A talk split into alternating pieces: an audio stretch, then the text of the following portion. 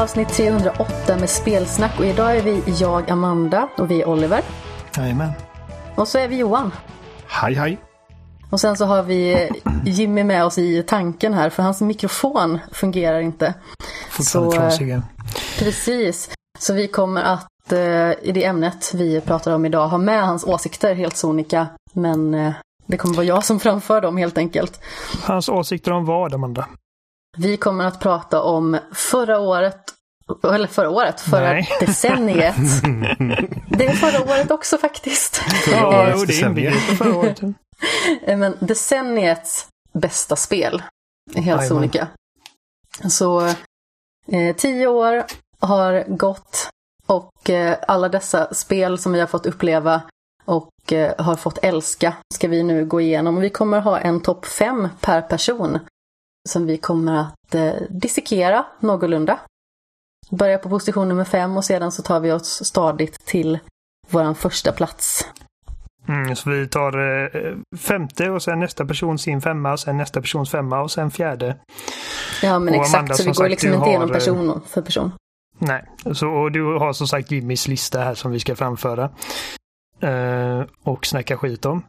Eh, och även som, eh, som jag gick in lite grann på förra avsnittet så eh, vi har resonerat lite som så här att det här är inte någon form av end all be all lista över, de här, över det här decenniet utan det här är våra personliga favoritspel. De spelen som vi tittar tillbaka på och som vi inte riktigt kan släppa, som vi kommer återkomma till. Det har också varit väldigt mycket spel de här tio åren. Alltså jag försökte Precis. gå igenom liksom så här lite och det... Alltså det går nästan inte ens göra en topp fem. Det, eh, jag tycker det är jättesvårt. Uh, Amanda och Jimmy är bra på det här tydligen med listor. Jag har Ja. lite. Eh, Vi har ju gjort varsin topp 100 på Ja, decenniets bästa spel. Eh, jag har ju gjort en till loading, precis som Jimmy då. För att vi ska ju liksom tillsammans på loading göra en unison lista över decenniets bästa spel. Men sedan Mm. kommer jag även göra en egen där det är spel som kanske inte riktigt var med i den här sortilistan som vi hade. Eh, kommer vara med på min lista då istället. Men jag tycker att en topp 10 är ganska så solid och hyfsat lätt att sätta.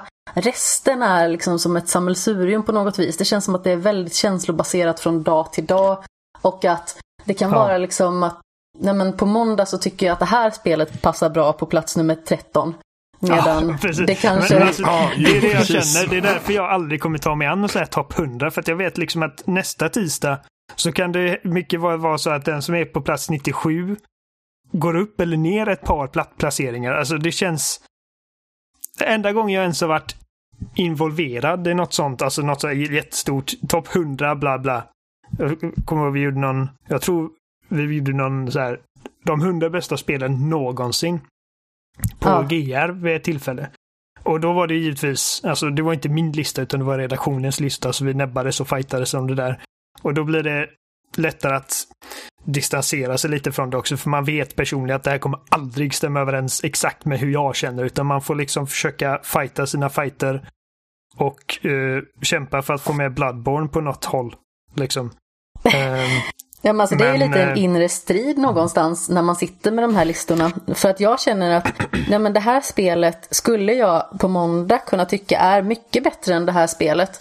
Man får Mm. liksom försöka känna till när jag gör listan, vad tycker jag just nu? Sen om jag skulle gå in liksom om en vecka igen skulle jag för mycket, förmodligen tycka att det är jätteolika i relation till vad det har varit. Men eh, Ja, Jag, Det är skulle svårt säga också. typ topp 10 kan man göra. Jag har gjort flera stycken. Jag, eh, men då är liksom då hänger man sig inte lika mycket till en sån monumental uppgift. Eh, jag gick in och kollade på min blogg för några dagar sedan och så, och så såg jag så här, min topp 8 av Tarantinos filmer. Och då var Ja. det en placering som jag känner att det, det inte riktigt eh, stämmer. Jag hade, för då hade jag Inglourious Basterds på fjärde och Ja, Reservoir. Dogs på tredje. Och idag hade jag skjutit upp Inglourious och ner med Reservoir. där har Ehm, du rätt. Så att, eh, alltså för att I- Inglourious har bara växt och växt. Men Det är Ehm, min favoritfilm med Tarantino. Precis. eh, Min är fortfarande Pulp Fiction, men Inglourious är skitjävla bra. Så- det är en sån sak. Men då är det också, okej, det är bara en, en lista på åtta stycken. Liksom. Jag tycker, Nej men så- exakt. Jag tycker bara det känns som att man sitter och fipplar med någon sorts 99% grej liksom. För att eh, när det är så högt upp i toppen med de här spelen så är det liksom att alla de här kunde lika gärna varit på topp ett på något sätt. Eller liksom, det blir liksom... Allting bara smälter ihop på något sätt när det... När man gräver en sån liten topplista tycker jag. Ja men men- man ställer i stort sett fullpoängare mot fullpoängare, vilket kan bli lite knivigt. Men det handlar Alltså, ju om min- liksom min ens innersta känsla. Min hjärna accepterar inte sådana här topp 100. Alltså det... Eh, bara, bara tanken på att försöka sätta mig med något sånt gör mig alldeles nojig. Jag tycker att det är roligt, samtidigt som jag på något sätt kan ibland känna att när jag sitter och gör en sån här lång, stor lista, känns det nästan som att jag för något spel bakom ljuset. Typ som att jag är stygg mot spelet om jag sätter det på en placering som jag mycket väl skulle kunna tycka att det förtjänar bättre. Och sen så kollar jag på det spelet som liksom kanske ligger över. Och sen bara, mm, nej men det spelet är ju faktiskt bättre som jag känner just nu. Jag vet inte, det är skitsvårt. Det är svårt. Jätte, jättesvårt. Ska vi påbörja hemskheten? Ja, vi, kan, vi kan gå i. Så detta är liksom fem, topp top fem. Det, det känns mer rimligt. Ja, men exakt. Sen kan vi väl precis som du sa innan Oliver också säga att det här är ju inte de bästa spelen per definition, utan det här är våra favoritspel. De som vi Eh. tänker på ofta och liksom Mm. återkommer och reflekterar över ofta och, och känner att det här kan jag spela om och om igen och det här betyder väldigt mycket för mig. Ja, Ehm, vilket har du på din plats nummer fem, Oliver? ska jag börja? Det tycker jag. Okej. eh, till en början så hade inte jag rangordnat någon av de här. Utan Det var jag, som hade kom in bara- och förstörde för dig. Precis. jag hade bara liksom fem spel. Och jag, jag orkade liksom inte väga dem mot varandra. Men så, så, så den här listan, den, redan den här topp fem är liksom lite, lite, den står på liksom shifty ground så att säga. Eh, Men på min femte plats så hamnar Breath of the Wild. Precis. Eh, ja, och jag menar, vi ska inte gå in jättemycket på, på varje specifikt spel. Eh, och vi har pratat om Breath of the Wild så många gånger. Men bara för att summera, alltså det är liksom ett i princip Nintendos första liksom, AAA Open World-spel skulle man nästan kunna kalla det. Ehm, I någon form. Efter, alltså i alla fall om man kollar på Open World-genren som den ser ut idag. Ehm, Ja, men det och- känns ju lite grann som att det här spelet tog Nintendo in i samtiden.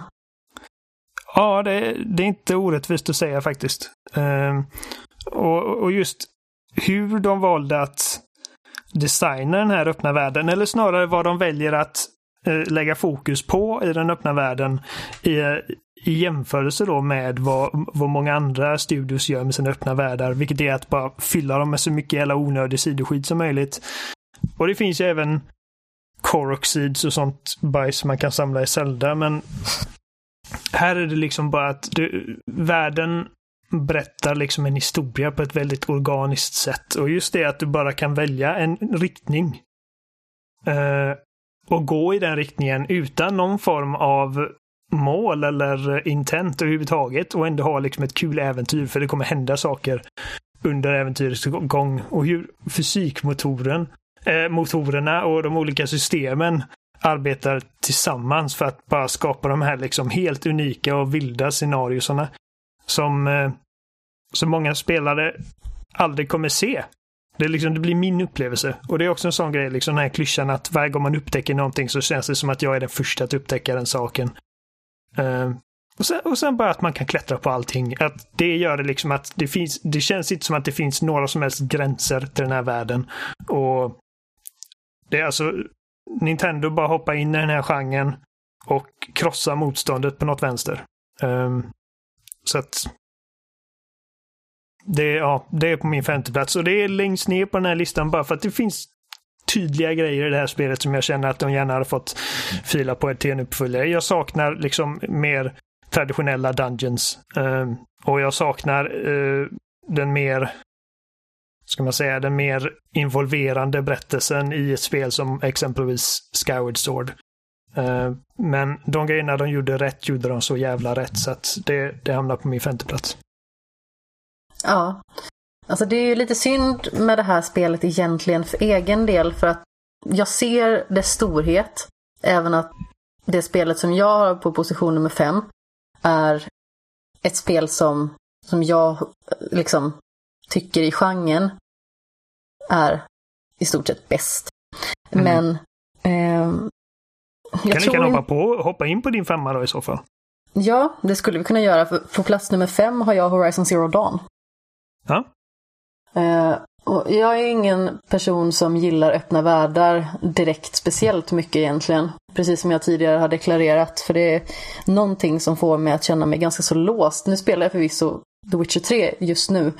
Och eh, i och med att jag har lagt ungefär 70 timmar tidigare innan jag hoppade på den här spelomgången så känner jag mig väldigt hemma i världen och känner att jag kan navigera mig utan några problem. Så jag tycker om det väldigt mycket också. Eh, och det ligger faktiskt på min topp 10. Men Horizon Zero Dawn var ju liksom ett sånt spel som verkligen kom och blåste mig av stolen i en genre som jag absolut inte förväntar mig så himla mycket av. Jag förväntar mig inte bli så engagerad. Jag vill bara inflika, jag tycker, det, jag tycker det är kul att du säger att du känner dig låst i en genre som liksom per definition i dess filosofi är gjord för att få dig att känna dig så fri som möjligt. ja, men precis. Ja, exakt Johan. Det är ju egentligen så liksom att jag är en person som gillar ganska så mycket kontroll egentligen. Eh, mm. Och när det blir så öppet så att jag har 70 alternativ. Då blir det liksom svårt för mig att sålla vad det är jag vill göra, vad jag vill fokusera på. Det är därför jag, jag gillar linjära spel. Jag det är känner, många som liksom tycker att det är fisigt liksom. Men jag, jag tycker att det är skönt att bara så här kunna plöja på i en berättelse och få den serverad till mig utföra det jag behöver för att ta mig vidare. Mm. Så jag är inte så jättemycket för att utforska, även att jag gillar att upptäcka nya saker. Om man säger det. Jag gillar att lära mig nya saker, men jag gillar inte att liksom tvångssöka mig till det. Men eh, Horizon Zero Dawn är ett fantastiskt spel som jag fick sånt enormt sug att spela om det och i och med att det förmodligen kommer en uppföljare nästa år så eh, kommer jag nog kanske bita tag i det igen i år. Men Johan, vad har du på din position nummer fem?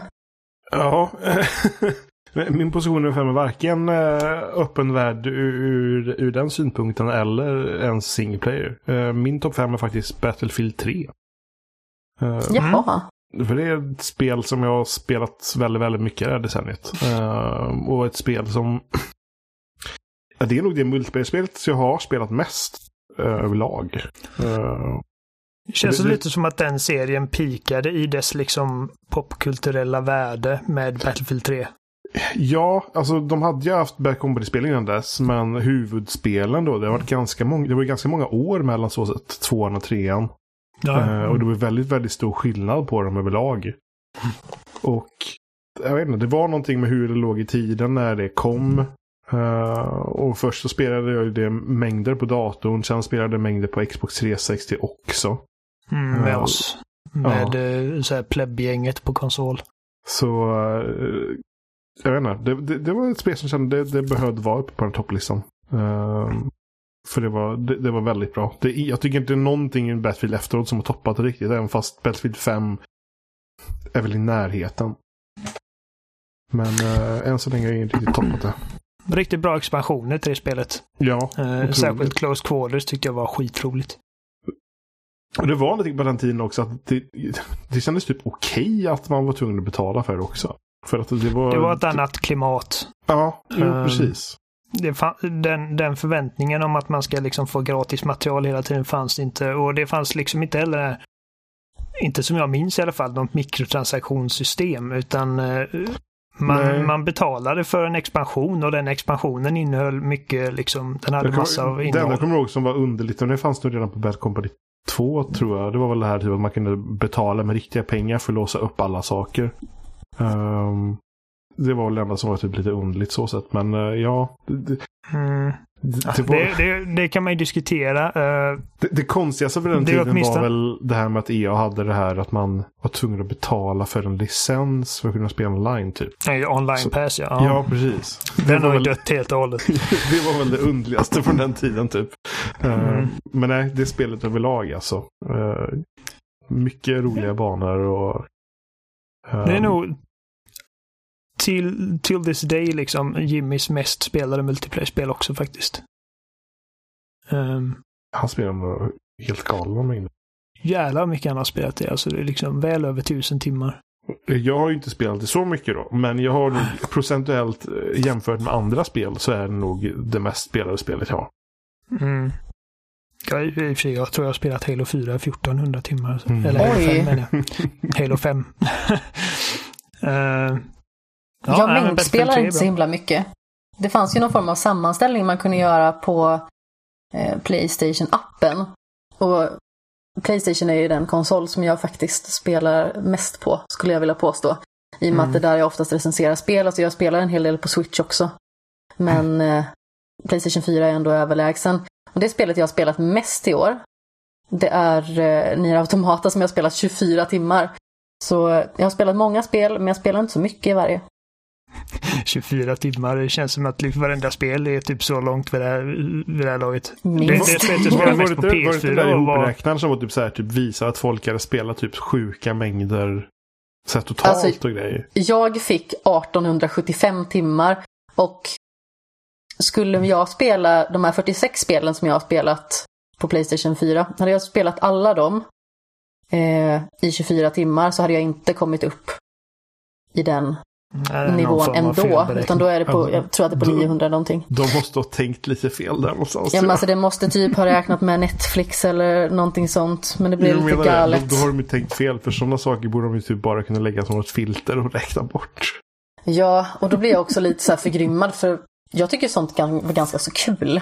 Så Jo. då hade jag gärna sett att de liksom kunde kategorisera bort Netflix. Att man hade kunnat gärna få en flik, typ att de har streamingtjänster så här många timmar. Mm. Och Det jag inga problem med. När en sak inte stämmer på det sättet, hur vet man att resten av statistiken stämmer? Exakt. Då faller alltihopa. ja, men precis. Så det blir lite brunt på det viset. Jag tror min Ja, topp på, på PS4 i år var nog Days Gone på 70 timmar. Jag tror inte jag, jag tror inte jag startade mitt PS4 det senaste året. Men, Det är, nog, jag, det är till, till och med urkopplat helt. men Johan. Så det bär dig åt. Min noob. Som sagt, det låter som en hårfön massaker. Nej. Ehm, jag tänkte, Ska vi, kan, du få, kan du göra mig en tjänst, Amanda? absolut. När du, när du kör Jimmys lista nu. Kan du göra det i en jättetöntig röst? Nej, det vill jag absolut inte göra. Så jag bara, "Ja, jag heter Jimmy och det där är nummer fem. Åh nej. Okej, äh, och, äh, okej. Jag tänker inte tvinga dig. Vad är hans nummer Vad fem? bra, vilken tur. Nej, men jag ska börja med att i alla fall berätta hur han har tänkt kring sin lista. För han har skrivit någon form av liten motivering kring sin topp 5 i sig. Eh, och då säger han så här att topp 5-listan är ihopsatt av spel som återuppväxt äventyrslustan i spel på det sätt jag kände när jag förlorade mig i Pokémon Röd när det släppts i Sverige. Det dessa spel har gemensamt är att det är världar för mig att utforska platser att förlora sig i. Och eh, hans position nummer fem är Hollow Knight. Mm. Och han säger så här att eh, Hollow Knight är skickligt uppbyggt där varje ny tunnel leder någonstans spännande. Till den grad att man 20-tals timmar in fortfarande hittar nya områden trots att man trott att man redan har sett vad kartan här har att erbjuda. Världen är dessutom uppbyggd på ett logiskt sätt enligt hur områdena är placerade, vilket gör att platsen känns levande från första stund. Han har alltså, han har liksom alltså ett dokument där han har skrivit de här motiveringarna. Precis, ja, han har skrivit det i chatten till Ge mig. mig dokumentet så gör jag det i en dum röst. Nej. jag har inget dokument. Okej. Vad Tråkiga ni är. Ja, ja. Hollow Knight är bra. Ja, alltså jag har inte spelat det så värst mycket. Nej, Jag tyckte att det var jag- bra det lilla jag spelade, sen blev jag avbruten av någonting annat. För jag började spela det typ sista dagen på min semester. Det är Mm. ett sånt spel som känner att det, det blir jobbigt att ta upp igen också.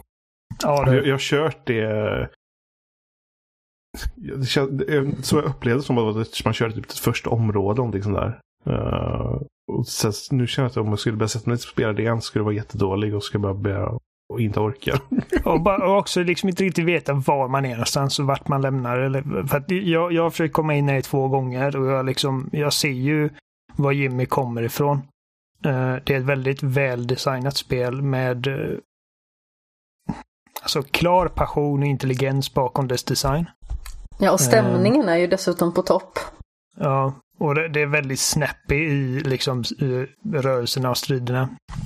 Jag kommer dock inte in i det. Och jag, jag, jag, jag, har nog- jag, jag har accepterat att jag inte kommer göra det heller. Ehm, men det är... eh, det är en, eh, ska man säga, en, värdig eh, plats på hans topp 5 tycker jag. Ja, absolut. Jag tänker att vi ska tassa in på position nummer fyra, Oliver. Vad har du där för Mhm. någonting? Där har jag uh, God of War. Det säger du. Det säger jag ja. Eh, alltså så här, jag, jag bara, alltså, jag har älskat serien eh, liksom sen det första spelet till PS2. Eh, men kände väl någonstans att efter trean och alltså storyn spårade ur och eh, Kratos som karaktär var liksom inte mycket att hänga i granen till slut. Alltså, ettan var länge det bästa spelet i serien. Bara för att det var liksom en, en klassisk så här, grekisk tragedi eh, om en nedbruten man som har sålt sin själ till djävulen i princip för, för liksom personlig makt och styrka och sen fått det liksom ett, att det kommer tillbaka och biter dig i röven till slut. Och du måste ge dig ut på ett äventyr och eh, städa upp gudarnas eh, liksom mess. För att eh, då i utbyte för att få glömma den här trauman han har genomgått som, som plågar honom. Det var liksom bara en lätt handling att följa och lätt att engagera sig. Och sen så som sagt, det spårade ur Kratos, gjorde massa dumma beslut och man var inte längre på hans sida. Så efter trean kände jag att det finns inte en chans att de kan fortsätta på samma spår utan att göra någon form av reboot. Men på något sätt så lyckades de och de fick också de föregående spelens berättelser bli bättre på något sätt för att de, de låtsas inte som att det inte hänt utan de... Alltså jag, jag kommer på alla engelska ord först. Det här är varför jag är en så dålig podcastare. Uh, alltså, acknowledge, du vet ordet. Alltså att de, de medger bristerna med den här karaktären och verkligen linar in i det och får dem att reflektera över det. Ehm, och sen, jag, jag är bara en sucker för välregisserad action. eh, med djup som sträcker sig både till liksom dess drama i berättelsen och dess stridssystem. Och det är liksom ett close combat actionspel i stil med föregående spel, men ändå med den risken att de verkligen eh, tog ett steg tillbaka och tänkte vad kan vi göra för att få detta att kännas så dramatiskt annorlunda och nytt som möjligt samtidigt som vi inte liksom går bort från vad som gör serien till vad det är. Um, det är ett grymt snyggt spel. Och uh, ett väldigt rörande spel också. Alltså, bara det att man tar en karaktär som Kratos och gör honom till en förälder. Och inte bara det att man gör honom till en förälder, utan att de faktiskt gör det till ett centralt tema till berättelsen. Liksom vad, det, vad det innebär att vara en pappa. och Vad... Jag känner att en rap är på väg hela tiden. Vad oväntat. Den eviga rapen. Den, den sitter liksom i strupen och jag bara... "Åh." Ja, men alltså det, det är en berättelse om, om rädslan att liksom eh, ge våra barn våra sämsta sidor. Och eh, det är bara så mycket hjärta i det. Och så, alltså det, som sagt, där, där är liksom ett typexempel på vad jag vill se mer sådana här AAA ehm, serier göra. Liksom att man vågar bara, som sagt, ta sig tillbaka och liksom hantera... Ingenting är heligt. Släng ut allt som inte måste vara där och verkligen approacha det från ett helt nytt perspektiv. Det är någonting jag känner att Gears behöver och har behövt väldigt många år nu. Och eh, God of War är liksom som sagt det bästa exemplet på vad som kan hända ifall man verkligen vågar göra det språnget. Ja, vad fint summerat Oliver. Mm, det tack. kändes väldigt, eh, vad ska man säga, djupt analyserande. Samtidigt som det Mm. var kortfattat. Med rapar och... Kanske inte nödvändigtvis Där kom dem. den. Vad härligt. Nej. Jag är glad för din skull. Ja, tack. Johan, vad har du på position nummer fyra? Eh, jag har Elder Scrolls Skyrim på den här positionen faktiskt. Och vad är det med det som du tycker är eh, så himla fint och bra? Ja, innan detta spelet så hade man ju spelat Oblivion. Uh, och de är ganska bra på att långsamma släppa deras spel. Så man får ju ofta vänta innan man uh, får nästa. Um, det är det som gör dem speciella också. Ja, helt klart. Och ja, samma år som Battlefield 3 till och med. Ja, det är 2011. Det, är... ja, det var mycket spel då. Um, ja, men det är väl en, liksom, här har vi ju den öppna världen då. Um, på deras sätt. Och mm. det är ju liksom hur det finns liksom den stora mängden uppdrag och hur man vandrar runt i den här världen och eh, bara kan hitta liksom små grottor och eh, tömma på prylar och grejer. Um...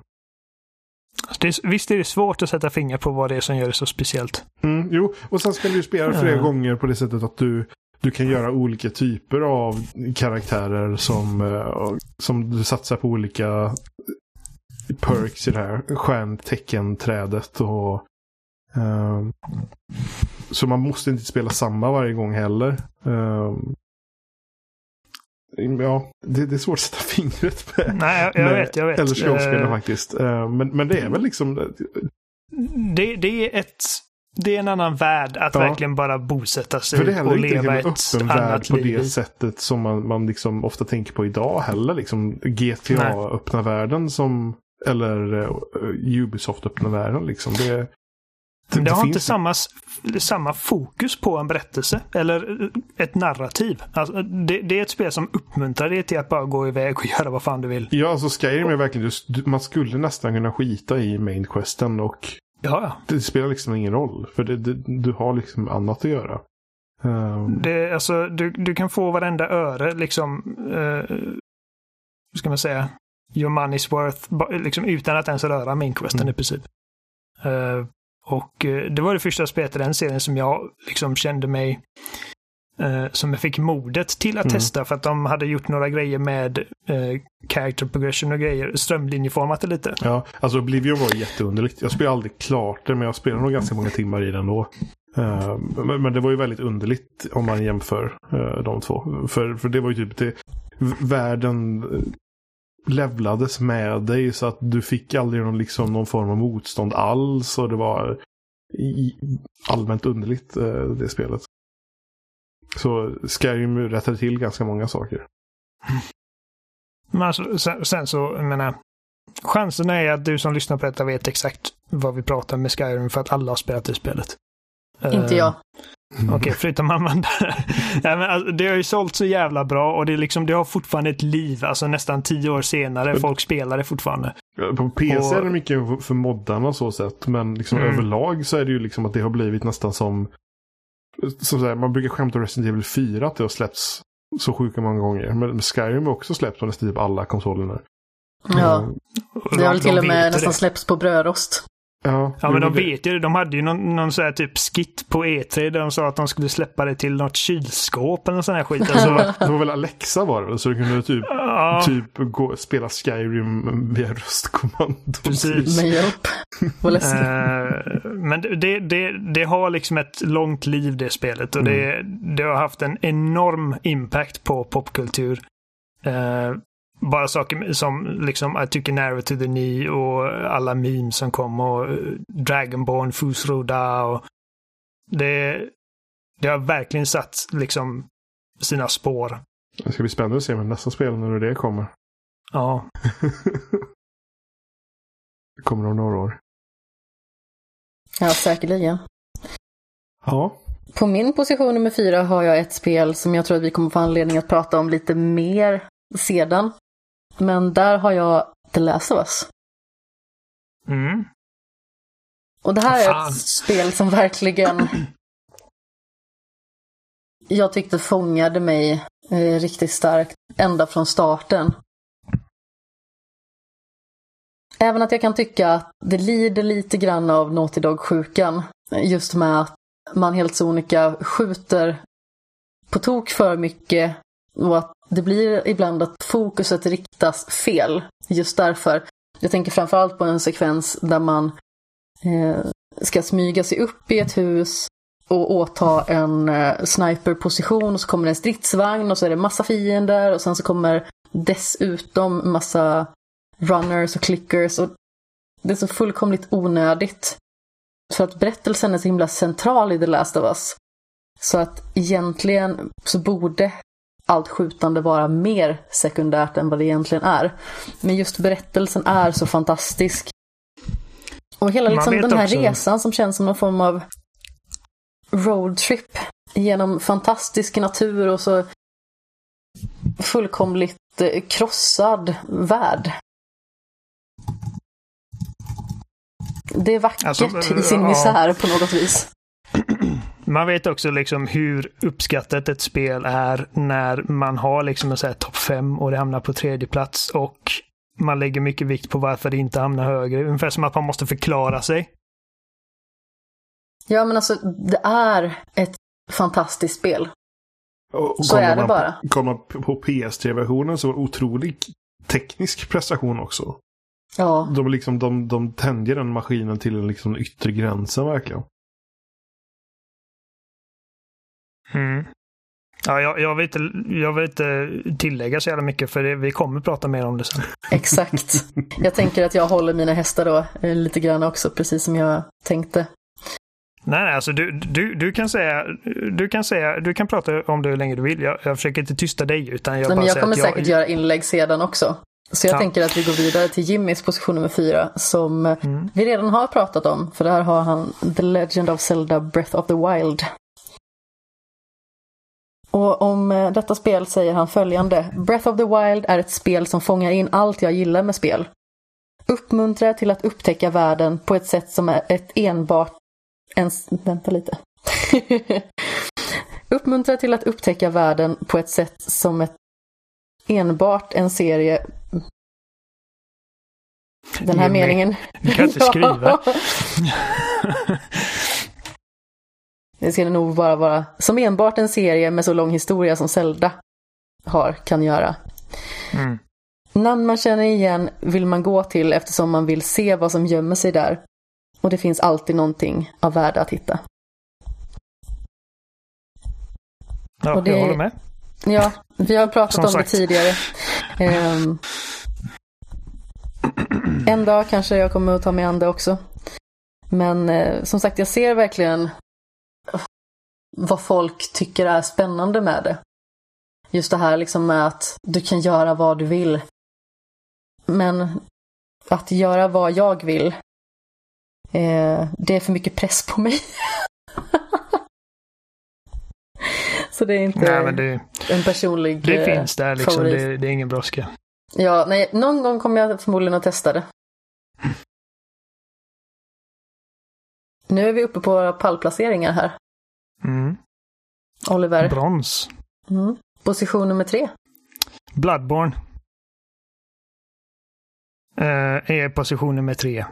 Och uh, det här är också ett spel som vi har pratat om så jävla mycket. Alltså, det, det är bara ett eldprov som man aldrig glömmer. Det är liksom där, där pojkar kommer för att bli män. Det är beklämmande svårt alltså. det, det, är svårt, men det är också som sagt också en gammal klyscha. Det är svårt, men det är rättvist. Det ger dig alla verktygen du behöver för att liksom överkomma de här hindren helt på egen, liksom eget bevåg och de, och de ger dig liksom grejer som co-op och, och, och, annat. Eh, det, liksom, det är som jag säger, typ, jag har haft kompisar som inte riktigt vågar sig in i det och säger att äh, jag orkar inte liksom bara dö och dö och dö och det och folk, fansen kommer håna mig för att jag kör det i co-op och jag känner alltså skit i allt det där. Alltså, det finns inga fel sätt att spela de här spelen. Och av de här Soulsborne-spelen så tycker jag Bloodborne är det absolut bästa. Och det, det beror mycket på settingen, att de har liksom viktorianska, Lovecraftian, eh, mardrömskonstverk. Eh, estetiken som bara är helt oförglömlig. Eh, Och det är alltså... Ja, alltså det är ju inte bara mörkt utan det har ju någon form av karaktär som är väldigt svår Absolut. att glömma. Även jag som inte har spelat Bloodborne speciellt mycket och det känns som att mitt minne av Bloodborne är i stort sett att jag gick in i en gränd och sen dog jag. Mm. Men själva visuella minnet det, är ju så liksom så pass starkt. Mm. Ja men det är alltså som sagt det det är, det är ett snyggare Dark Souls med lite mer strömlinjeformad eh, presentation. Alltså att, för i Dark Souls så finns det ju ännu fler olika variabler. Eh, att du kan spela som eh, magiker och du kan spela som eh, liksom riddare eller eh, mercenary och hela den skiten. Här är det mer att ehm, det, det, det är mer liksom redan på förhand inriktat åt ett visst håll. Uh, och sen finns det givetvis olika sätt du kan skräddarsy din karaktär inom, den här, inom det här hållet, men det är du har inga sköldar exempelvis. Det är ju många som, som när jag spelar Dark Souls så gillar jag att spela med sköld och blocka slag och grejer. Men här är det helt fokus på positionering och dodgande och eh, att som med skjutvapen exempelvis, att du använder skjutvapen för att parera fienden precis när de ska slå dig så att du kan göra en sån ripostattack. Och bara en sån liten mekanik som gör att när du blir slagen och förlorar liv så har du några sekunder på dig att eh, liksom hämnas, liksom slå fienden och så får du tillbaka lite av det i livet. Eh, vilket verkligen uppmuntrar den här liksom aggressiva spelstilen som de ville att spelaren skulle anamma.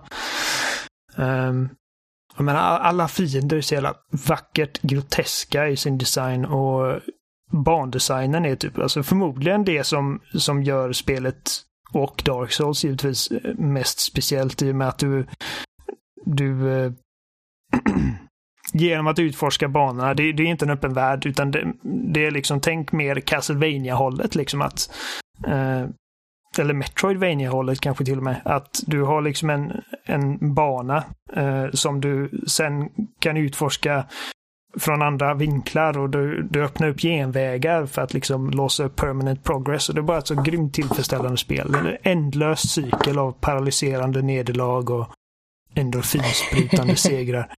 Det är liksom... Alltså att klara det spelet var en av de mest bara tillfredsställande grejer jag någonsin har varit med om. Ja, alltså det är fantastiskt när man känner så om ett spel. När någonting är så svårt så det känns som att man håller på att fysiskt gå upp i atomer. Första mm. Nino Kuni var så för mig till exempel att sista bossen, den var så brutalt lång och utmanande och utmattande rent psykiskt. Så efteråt, alltså jag var ju typ andfådd och visste inte hur jag skulle ta vägen. Ja. Och typ kröp på golvet. Jag hade försökt att liksom klara den hur länge som helst och när det väl var slut då var det ju liksom en frigörelse utan dess like. Jag kan tänka mig att Bloodborne är lite likadant, även att Bloodborne förmodligen är typ två gånger så svårt för mig, som inte är så bra på tv-spel. Alltså jag, jag har inte spelat Nino Kuni så det där kan jag inte säga så mycket om. Men Din favoritgenre, att... japanska rollspel. Ja, precis. Fuck that. Ah. Uh, nej, men jag, alltså, från software From Software är jävligt bra på att liksom gå den här balansgången mellan svårt och tillfredsställande. Att det, det, det är väldigt sällan som det är så svårt att när du dör så känner du fan också, jag kommer aldrig klara detta. Utan du känner hela tiden att du är på väg någonstans, att du lär dig. Och du, liksom varje gång du dör så är det som sagt en learning experience. Det är någonting som även Celeste lägger mycket vikt på. Att oh, det gör inget när du dör. Precis, det gör inget att du dör. Varje, varje död är liksom en learning eh, experience och man identifierar liksom vad var det som gjorde att jag inte klarade mig den gången? Vad behöver jag göra bättre? Så att du blir hela tiden sporrad. Ja. Av din egen liksom prestation, vilket är jävligt smart. Ja men de typerna av uh. spel, de är ju som verkliga livet liksom. Man måste verkligen öva om man vill bli bra på någonting. Man måste lära Precis. sig av sina erfarenheter, man måste ta med sig vad man har i bagaget för att kunna ta sig an det som ligger framför ens fötter. Mm. Så att, alltså Dark Souls och Bloodborne är faktiskt inte så jävla svårt. Liksom. Alltså, om man tar moment to moment gameplay så är det inte mycket svårare än vad andra sådana actionspel är. Typ Devil May Cry eller whatever. Skillnaden är att det är mer oförlåtande. Det, det, det utmanar dig. Eh, eller snarare, det litar på att spelaren ska klara sig utan massa hjälpmedel. Eh, mm. Som checkpoints. Liksom. De, eh, från software skrattar i ansiktet på checkpoints. Och när du dör så förlorar du alla dina pengar eller dina souls eller dina blood echoes och du får en chans att hämta dem igen men bara om du kommer till den platsen igen. Så att, Härliga tider. Ja, så att liksom, som sagt moment to moment, inte jättesvårt utan det är liksom just hur oförlåtande det är. Att om du inte har full liksom, kontroll på situationen, om du underskattar även den minsta fienden, så kommer det liksom bita dig i röven. Uh, så att det, det förväntar sig mer av spelaren än många andra spel. Vilket spel gjorde för 20-30 år sedan. Ja, absolut. Jag menar alltså, jag har klarat Lost liksom... levels. Ja, jag menar jag har klarat Bloodborne och Dark Souls och det är liksom, det, det är inga problem nu, men jag kommer aldrig klara liksom Ghost and Goblins till NES. Nej, men det är ju svårt för att det är dumt. Allvarligt talat, Ghost and Goblins, det är bajs på ett fat. jag vet inte. Där, där, har du, du har åtminstone liksom inga extra liv. Du behöver aldrig vara orolig för att liksom behöva göra om hela spelet. Nej, men det är till och med så förnedrande uh. dåligt så att när man förlorar liksom sitt första steg på livet, då blir man av med rustningen och springer nästan näck. Ja, så förnedrad blir man av hur dåligt det spelet är. två gånger. Uh, nej men så att det, det är liksom det, det, det är så oförlåtande och så svårt med dagens mått mätt. Liksom när du har checkpoints och du har alla de här grejerna och liksom i Nintendo-spel där de bokstavligen frågar dig du, vill du att vi gör detta åt dig? Vilket det är liksom en feature som är skitbra för liksom ungar och folk som inte är jättebra på tv-spel som bara vill komma vidare. Men från Software gör inte sådana spel och jag tror att liksom spelare som har varit med lite eh, varit med i svängarna eh, liksom i några decennier vid det här laget tror jag saknar den typen av utmaning och det är därför Bloodborne och Dark Souls har haft sån, sån slagkraft liksom. Ja. Johan, min vän. Jag tycker vi kör dig, Amanda. Varför då? För att då blir det jag, du, Johan, du. Så att det inte blir du på två gånger på rad. Okej okay då. Det kan vi väl göra. Ja. Förlåt Johan. Det, det, det är okej. eh, på min position nummer tre så ska vi återigen prata om odöda. För att på min position nummer tre så har vi första säsongen av The Walking Dead. Mm. Och jag hade aldrig kunnat föreställa mig hur hårt det här spelet skulle ta mig faktiskt. Nej. Eh, jag fick liksom beskrivet för mig innan att du som är en lipig person, du kommer vara förstörd efteråt. Och jag tänkte liksom bara nej, okej okay då. Då hade jag liksom ändå spelat titlar som The Last of Us. Eller Journey. Alltså en, en hel del titlar som verkligen påverkar starkt emotionellt. Och så kommer The Walking Dead. och Alltså, den, det absolut sista valet man gör i spelet. Jag ska inte spoila det. För att jag tycker att man borde spela det här spelet om man alltså, gillar, om man gillar känslor. Nej men om man gillar att bli starkt berörd så borde man ta sig an det här spelet. Sista valet. Jag har aldrig gråtit så hårt i hela mitt liv tror jag. Det är den fulaste fulgråt jag har varit med om. ja, det, det var hemskt. Alltså, jag satt och ulkade och snorade och tårarna bara sprutade. För att det var så hemskt. Och det var ett val som jag, jag kommer för alltid ångra det. För att... Va? Nu vill jag veta vad det är du pratar om. Okej. Okay. Spoiler alltså, för första säsongen av The Walking Dead. Alla har spelat det här spelet. Alltså, eh, och det är gammalt. Ifall du inte spelat det här laget så, så skyll dig själv. Eller så hoppar du fram fem minuter. Ja. Hur som haver. Sista valet så är det ju helt sonika att Lee, som är protagonisten som han har spelat som hela spelet, han har blivit zombiebiten, han är fastsatt till ett element med handbojor och man får välja som Clementine, som man första gången får axla rollen som, om man ska döda honom eller om man ska gå därifrån. Okej, och vad valde du? Jag valde att gå därifrån. Åh nej. Exakt vad alla säger. Alla säger att jag är en så hemsk och dålig människa för det här. lämna honom där. Men eh, det är någonting som är så extremt skärande i hennes ton. Som verkligen gjorde ont i hela mig. Och jag kunde inte förmå mig att döda honom. För jag blev verkligen helt bestört över hur hemskt det kändes. Eh, så då tänkte jag att då sparar jag kulan och går härifrån. Men sen så vet jag ju med mig att han kommer ju vandra runt kanske i all evinnerlighet som en zombie. Men just då kunde jag inte. Det gick bara inte. Alltså jag försökte resonera med mig själv, men jag kunde bara gå därifrån. Alltså, han är ju fastkedjad så han lär ju inte gå så långt ifall ingen kommer och biter, upp, biter av hans arm. Men... Eh, ja, jag förstår. Alltså, för mig, jag, jag valde att döda honom. Inte för hans skull, utan för hennes skull. Liksom att hon skulle få någon form av closure och inte behöva liksom föreställa sig honom sittande där vid elementet resten av sina dagar. Eh, och så att hon också liksom på något sätt, för det är ändå ett barn vi pratar om, hon, måste liksom förstå att hon är ensam nu. Det, liksom, det finns ingenting för henne att hämta hos honom längre. Ja, jo men precis. Jag och Jimmy har pratat om det här också.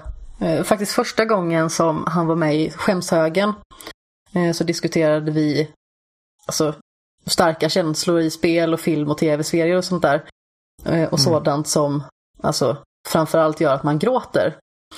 Och då pratade vi om just det här ögonblicket. Och hans motivering var liksom att hon ska inte kunna gå tillbaka till honom. För att han potentiellt skulle, kunna vara levande. Eh, så att döda honom för att veta att han är helt, helt borta på något vis. Men de flestas reaktion är typ som din Åh nej! Kära någon, kunde du? Och jag känner mig som en så extremt dålig människa. Ja, men alltså, det, är bara ett inget spel. jätte- Det är bara ett Ja, spel. jo, precis. Men samtidigt så kände jag bara att det här går inte. Jag kan inte göra det här. Jag har inte det i mig. Uh, jag tycker inte du är dålig människa. Det, det är liksom, det är pest eller kolera i det läget. Men det är, som sagt, jag, jag kände så att hon behöver liksom få lägga detta bakom sig. Hon behöver förstå att han är borta. Ja, Um, alltså, eh, Walking Dead är ett fantastiskt spel. Jag, eh, jag kommer ihåg Alltså jag blev ju överraskad av första episoden. Men det var nog andra episoden som jag kände att det här är verkligen någonting som...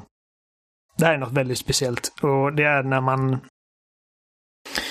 eh, är på den här gården och man har liksom kommit underfund med att de här människorna som man trodde hjälpte dem faktiskt är kannibaler.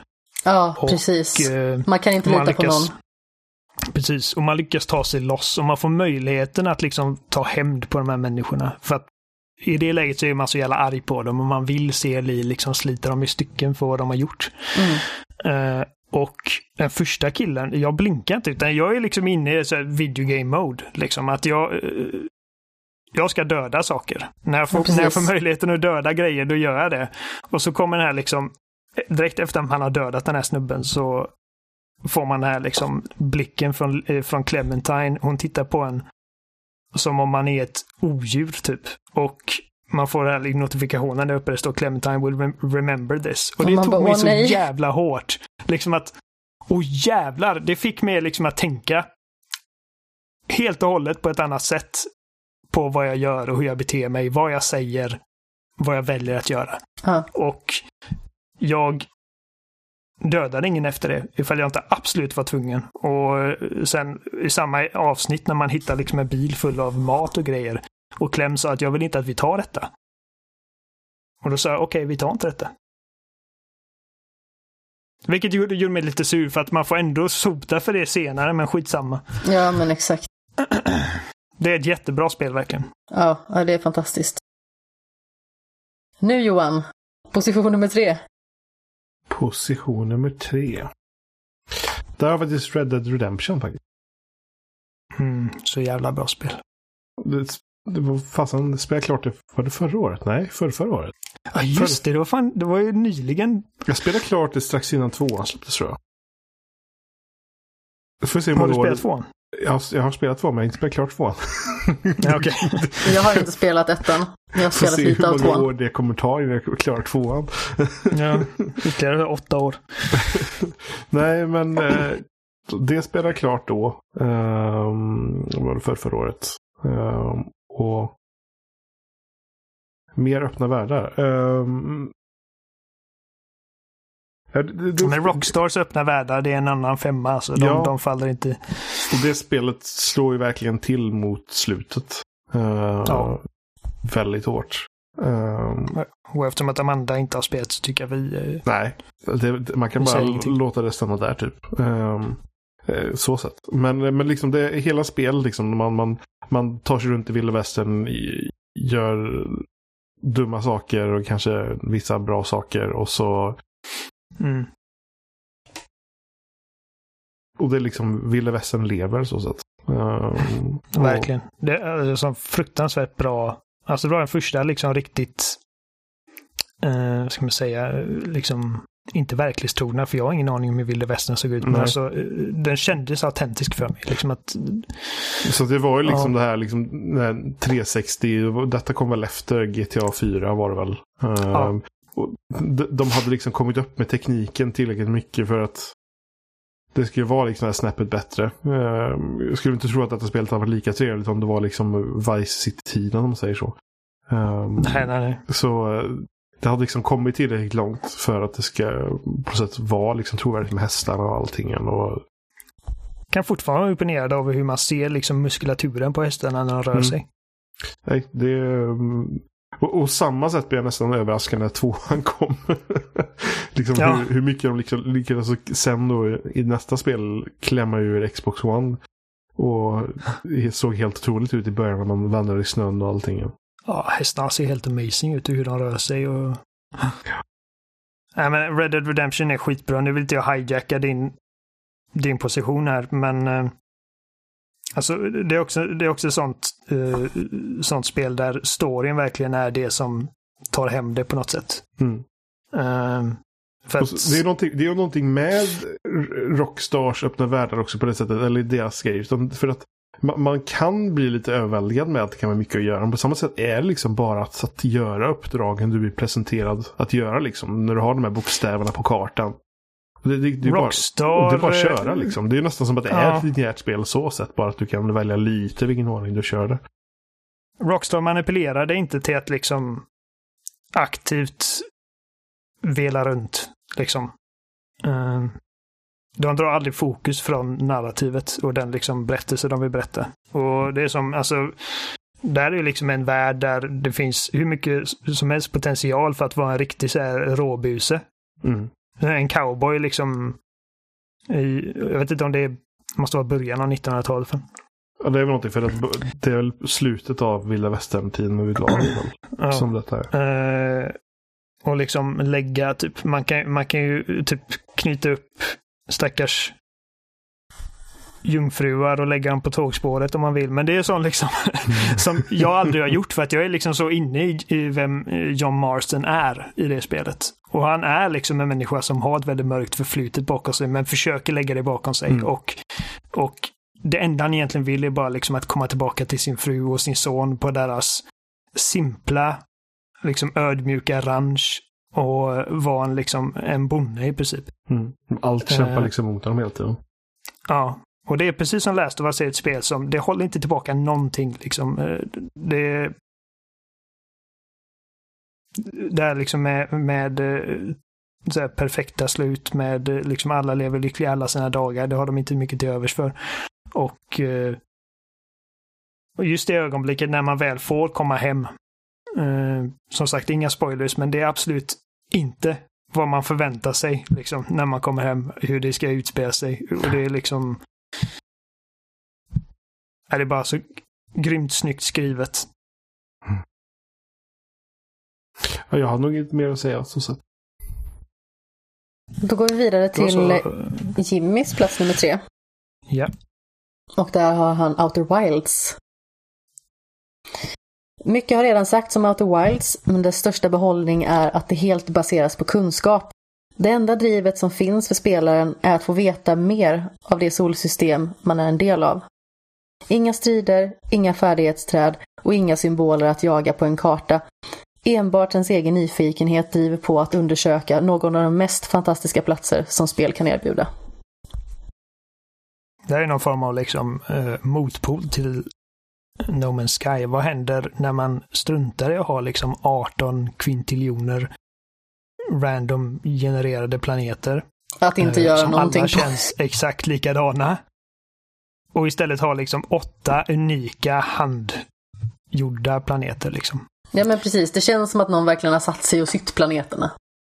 Ja. Istället för en maskin. Ska vi fortsätta? ja det var väl Silver nu då? Ja, Oliver. Vänligen Mm, förtälj. 23. Det har du. Jajamän. Eh, Fantastiskt spel. Definitivt ett av de mest bara liksom oförglömliga spelen jag någonsin spelat. Och eh, Alltså den mest välgjorda, levande och fängslande värld som skapats för ett spel. Jag vet inte, kanske. Ärligt talat. Ehm, Det är så grandiost också på något vis. Så det är väldigt imponerande att man har lyckats få världen att inte kännas som att det bara är mängdgenererat på något vis. Utan det känns som att allting Mm. har verkligen lagts ner så mycket själ i. Och det är så här, liksom man säger, du vet, "Åh, om bara väggarna hade kunnat tala. I det här spelet så talar faktiskt väggarna. Liksom, alltså, det, det finns så mycket i den här världen som, som bara för sig själv liksom berättar en berättelse om vad som har hänt där och alla hemskheter som har hänt där. Och eh, det är ett spel där dina val faktiskt har betydelse. Eh, och Ja, det oh bästa med det är att det inte är tydligt när du väljer vad som kommer hända. Och det kan vara liksom att du, du väljer att göra någonting med det bästa av avsikter och sen tio timmar senare visar det sig att det har liksom resulterat i något fruktansvärt. Och eh, tvärtom. Um, det, är liksom, det är ett karaktärsgalleri att dö för. Liksom alla dessa karaktärer som jag bara kommer ta med mig till min grav. Jag menar, jag är kär i Jennifer och jag är kär i Geralt och jag är kär i eh, Salten och Dandelion och alla de här underbara människor som bara har berikat mitt liv och liksom det är bara så trevligt att ha fått lära känna dem på något sätt. Och det är det som är så sjukt. Det är bara ett spel, precis som du sa förut om The Walking Dead, hur man liksom kan bry sig om två liksom påhittade människor. Eh, så mycket, men, men det går. Och Witcher 3 är ett annat exempel på detta. Det alltså, Geralt är min bro. Alltså jag hade... jag hade tagit ett svärd för honom liksom. Det är... Du hade velat att Och- ni skulle kunna sitta där och ha era eh, fistävlingar. Ni Ja, försöker och, och fisa spela högst. Gwent och inte jaga monster kanske för att det verkar fasansfullt men Och pilla varandras naveludd. Och... ja, precis. Suga av varandra. Nej, men, Det, alltså det, det är en berättelse som... det är en berättelse som aldrig släpper taget. Alltså någonsin. Eh, Från det att du startar spelet till att det är slut så är den alltid där och det är, det är alltid i fokus. Och det finns liksom grejer. Du kan du kan gå och jaga de här liksom frågetecknen som finns på kartan. Och till och med de har någon form av liksom narrativ till sig. Du kan hitta en kista på botten av en sjö och det finns liksom någon form av Typ brev där i som berättar om hur den kistan hamnade där och vad den betydde för någon annan människa som la den där någonstans. Eh, det är ett spel där sido, sidouppdragen inte liksom behandlas som sidouppdrag när de gjorde spelet. Det, det är en precis lika viktig del av den övergripande berättelsen som den liksom kritiska pathen på spelet. Och eh,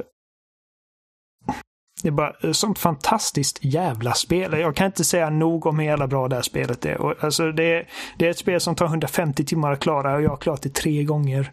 Och jag kommer klara det fler gånger. Ja. Och det...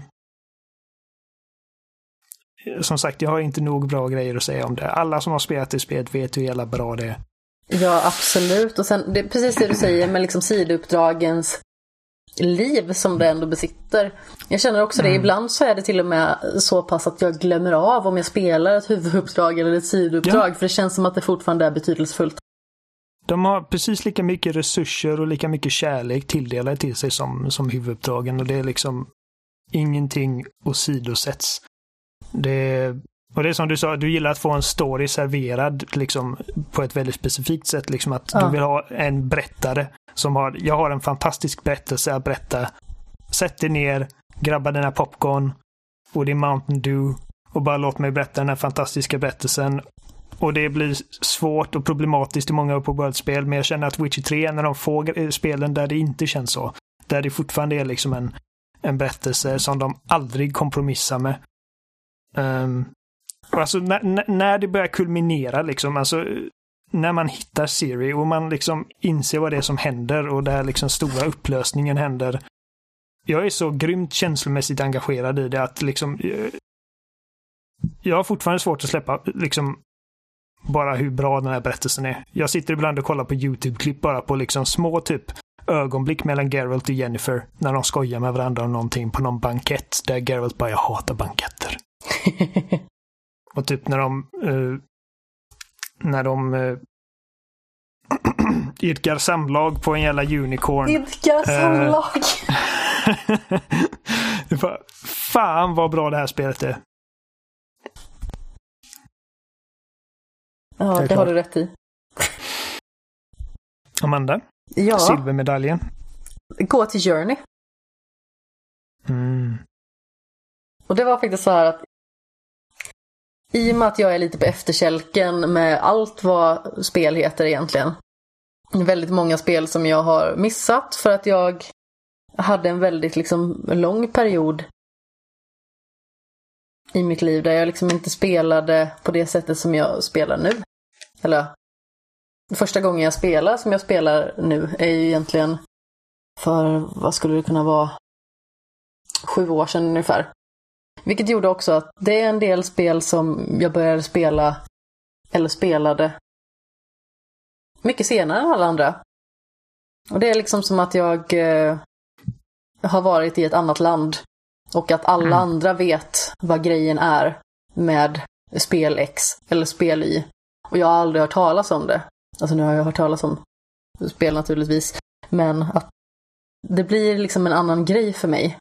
För att det är någonting som jag måste ta igen, någonting som jag måste- uppleva när alla andra redan har sagt hur bra det är. Och Journey för mig första gången gjorde mig besviken. Okej. Jag eh, hade kommit hem från en form av eh, så här, personaljippo i eh, Tylösand. Och sen, jag dricker ingen alkohol så det var liksom inte riktigt så, så jag var liksom inte bakis.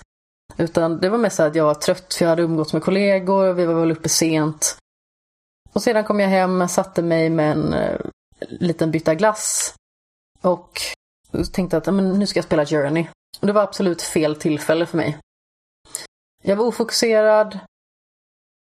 Jag var väldigt färgad av liksom alla åsikter som kom från alla håll. Liksom, och det här är det här årets bästa spel. Det här är eh, det bästa spelet någonsin. Det finns inget spel som är som det här. Och jag började och ungefär en halvtimme, timme in så kände jag bara nej, nu vill jag göra något annat. För det Så, fångade så inte kan det bli ibland. Ja. Och jag blev att nästan lite sur på liksom. spelet. Bara, du har ju lurat mig. Jag kände mig liksom lurad och liksom så här.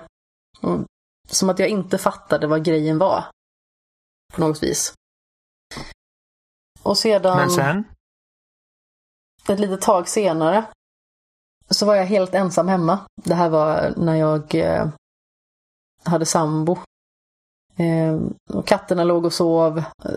Dåvarande sambon var iväg och spelade någon tävling. Och jag tänkte bara så att, ja men. Jag sätter mig i eh, det fullkomliga mörkret liksom. Inga lampor tända, inga ljus tända. Bara sätter på Journey. Det är helt tyst i hela lägenheten. Och sen så bara lät jag det hända. På något vis. Och, och liksom i den stämningen så föll allting på plats. För att vissa spel behöver man verkligen vara med på antingen när det är rätt tillfälle. Vissa spel behövs kanske upplevas när det begav sig. Alltså det finns himla mycket med spel eller populärkultur i allmänhet som det kan vara väldigt, vad ska man säga, det kan vara viktigt att konsumera det på ett visst vis. Och det kan vara väldigt oförlåtande om man inte gör det som man behöver för att kunna känna det man ska känna. Men när jag kände med Journey så blev jag helt förstörd. Och framförallt hur allting liksom bara trappas upp i slutet. Och det blir jobbigare och jobbigare, nästan som när man får värre och värre ångest. Att det bara byggs på och man mår sämre och sämre. Och man vet liksom inte vad man ska ta vägen. Lite samma känsla var det i Journey för att det som händer är ju förödande. Och man kan inte göra någonting. Det finns inget man kan göra i sin kraft för att stoppa det. Och man tvingas bara låta det hända. Och det var också en så här... Jag vet inte. Stark känsla.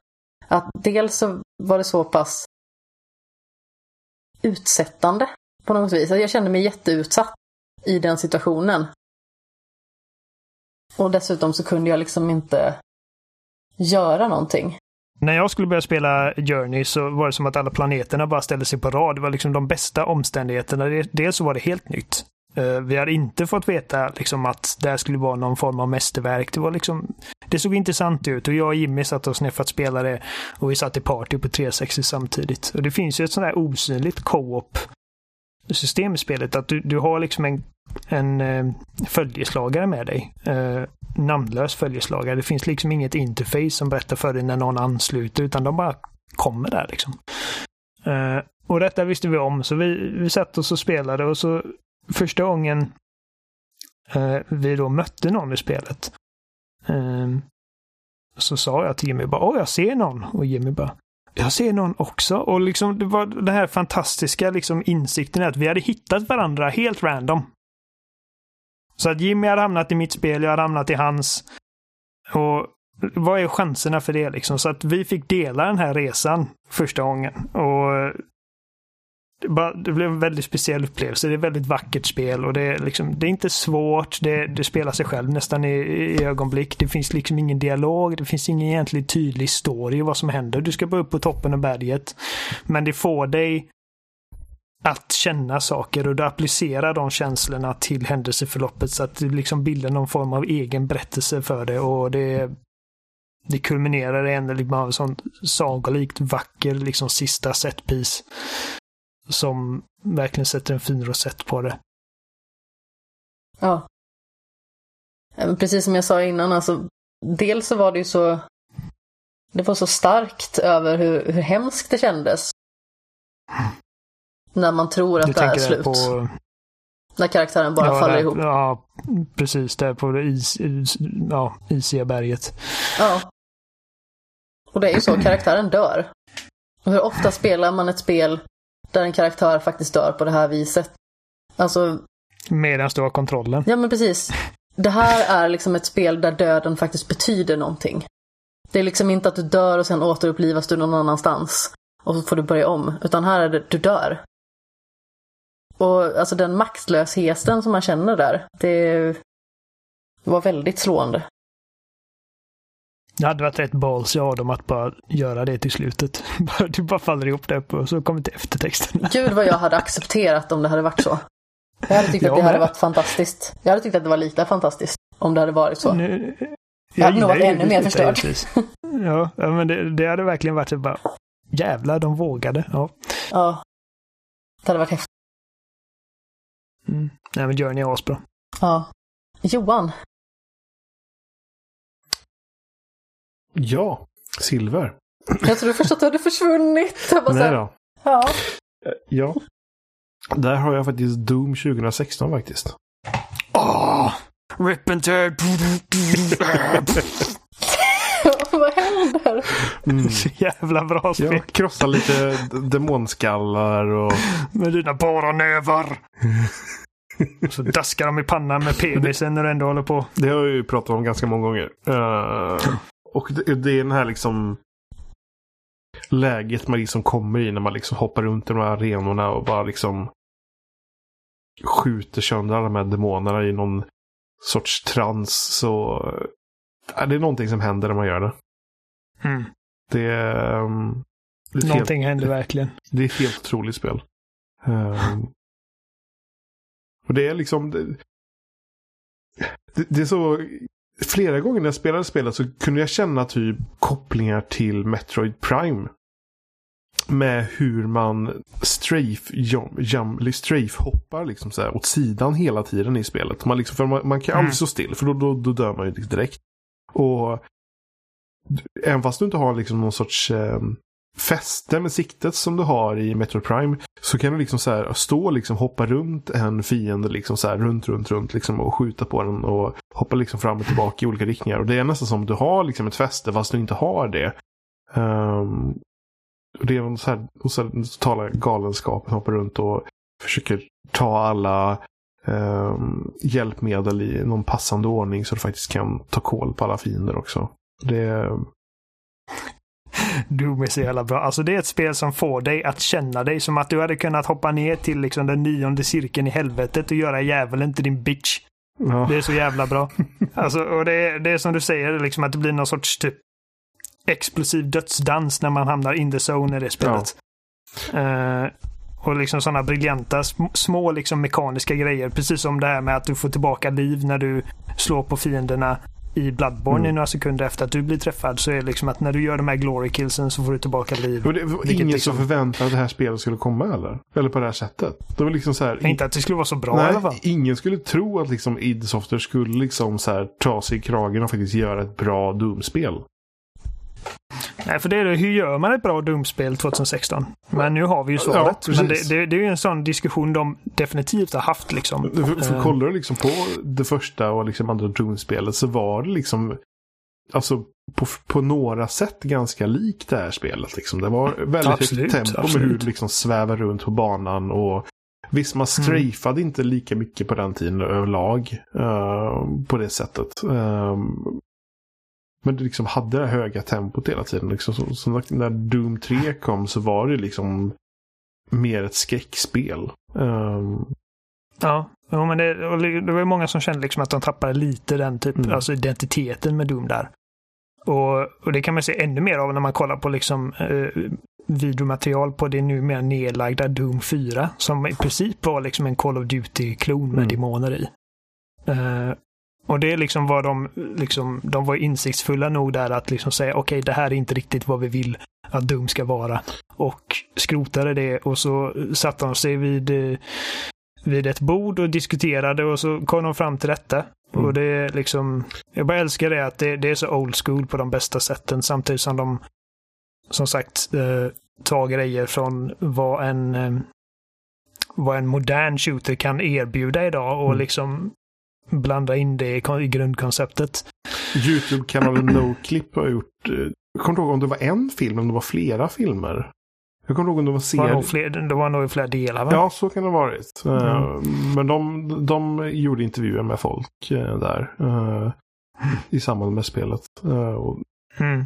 de är väldigt värda att se på liksom hur... Ja. Där, där, ja, de visar får de, nästan upp. där visar de några små så bilder och sånt ifrån det som skulle ha varit ett spel som släpptes. Men eh, Ja, jag tror man kan kolla på YouTube eh, också. Vad man googlar typ Doom 4. Ja. Så kan man se hur det såg ut i rörelse. Det- Ehm,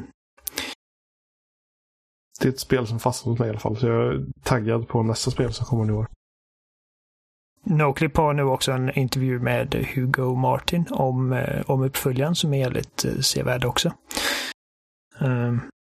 Mm, ja, men det är väldigt bra. Alltså Doom, Doom är eh, skitbra. Jag älskar det liksom att det, det finns ingen sprint utan din vanliga rörelsehastighet är liksom superspeed Mm. och eh, du rör dig lika snabbt till sidor som du gör fram och Ja. bak. Det är liksom Är det, det är helt otroligt spelet.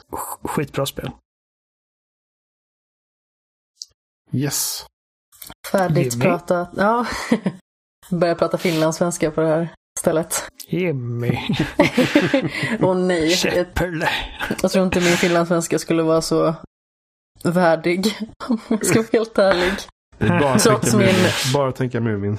Ja, alltså Mumin är mina idoler sedan barnsben. Rökade koppar Jag är någon form av blandning mellan Lilla My och typ Snusmumriken. Men hur som helst. Eh, jag och Jimmy brukar oftast alltså, klicka ganska så mycket när det gäller ganska många spel. Däremot när det gäller topplistor och sånt så har vi en tendens att sätta spel extremt olika och värdera spel på väldigt olika vis, tror jag. Eh, men vi har lyckats sätta Journey på andra platsen båda två. Okej, okay, ja. Mm. Och om Journey säger Jimmy... Journey är det enda av spelen som är helt linjärt, men det är också en nästintill perfekt upplevelse. Ta tillvara på det mediet gör bäst med att få sjunka in i en plats och dessutom med en annan spelare. Alla element i Journey flyter samman på ett sätt som nästan inget annat spel har gjort någonsin. Ja. Ja, och jag har ju pratat mycket om det och du har pratat mycket om det. Så jag tänker att vi går vidare till allas våra första platser. Oliver, jag kan eh, ja, väldigt lätt gissa att eh, det är vad, Oliver, som är din första ja, plats? Gulligt går givetvis till The Last of Us. Ja.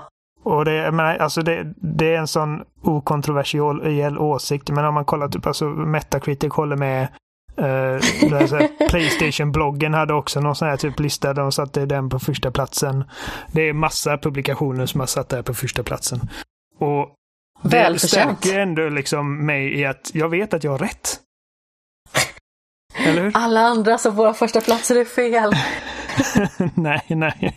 Nej, men alltså jag... Eh... Oliver det som ett spel.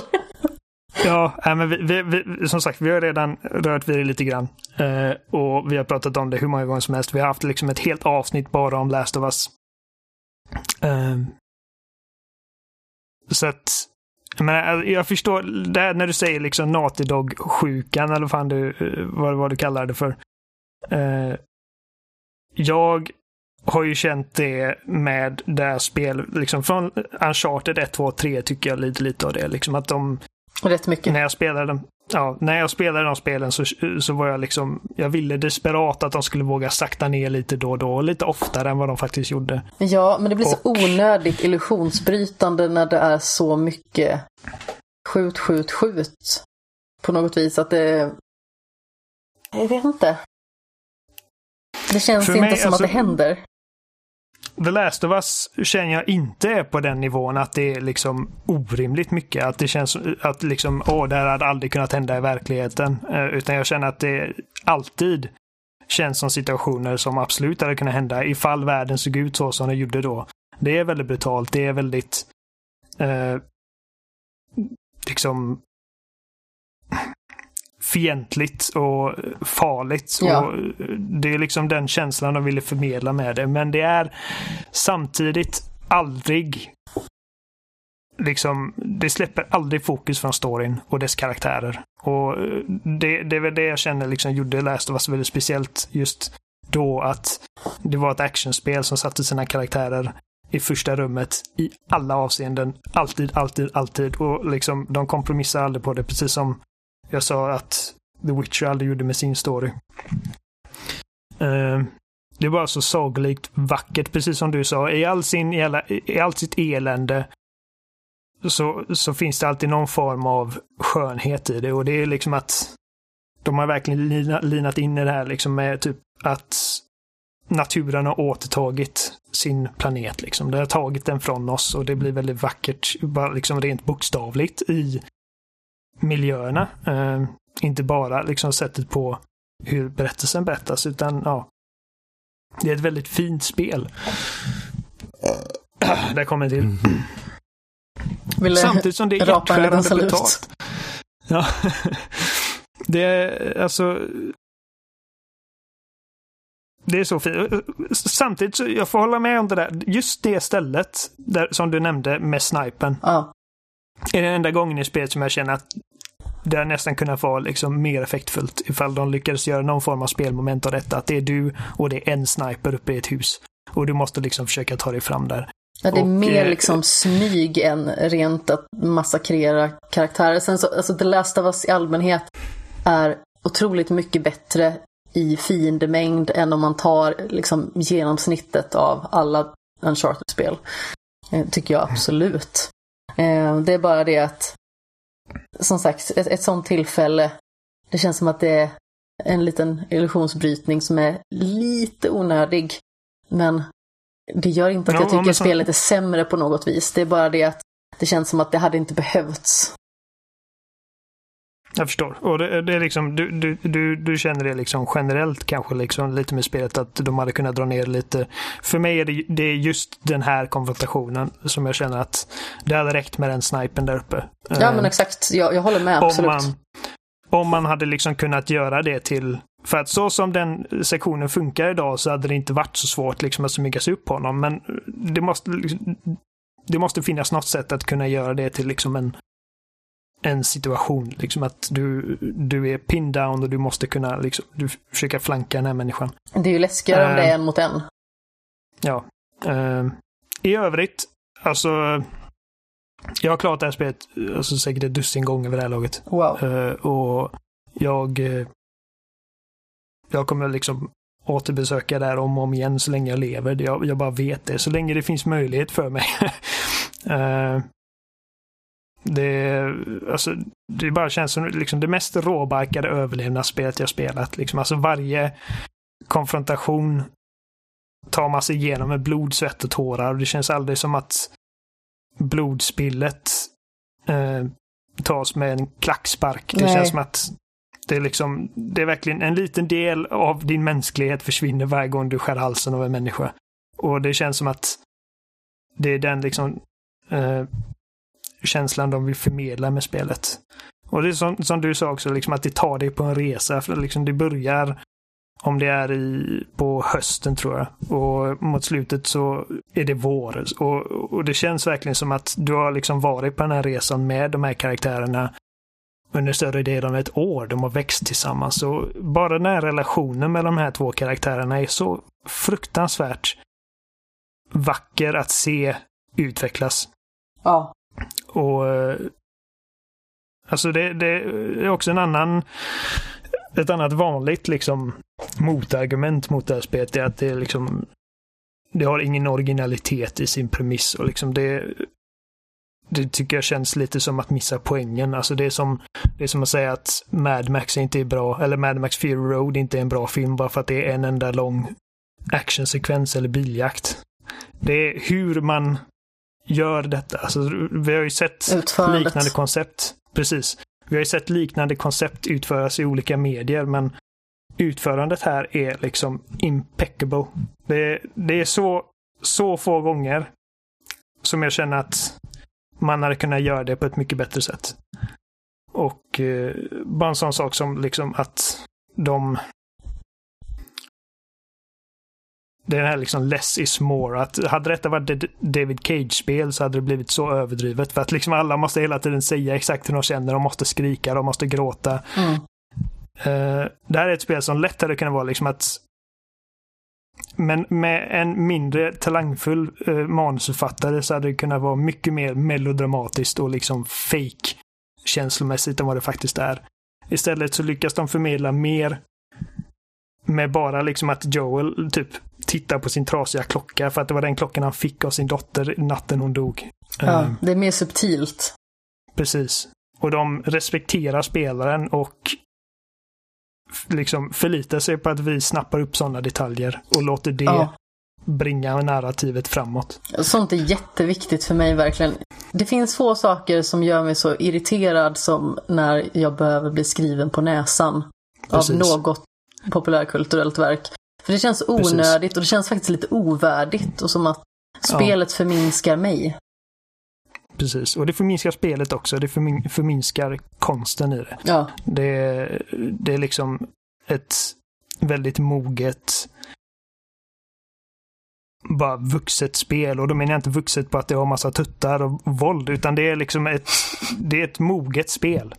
Som, ja, det är genomtänkt. Som respekterar spelaren. Och och det är som liksom det här med att beskriva på näsan, jag håller med dig. liksom, jag vill inte att ett spel eller en film eller en bok eller någonting ska säga hur jag ska må, utan de ska få mig att må på ett visst sätt organiskt. Ja. Och eh, det är liksom bara sättet det, det spelet slutar på, att de inte gör det här typiska liksom tv-speliga, att låta dig välja.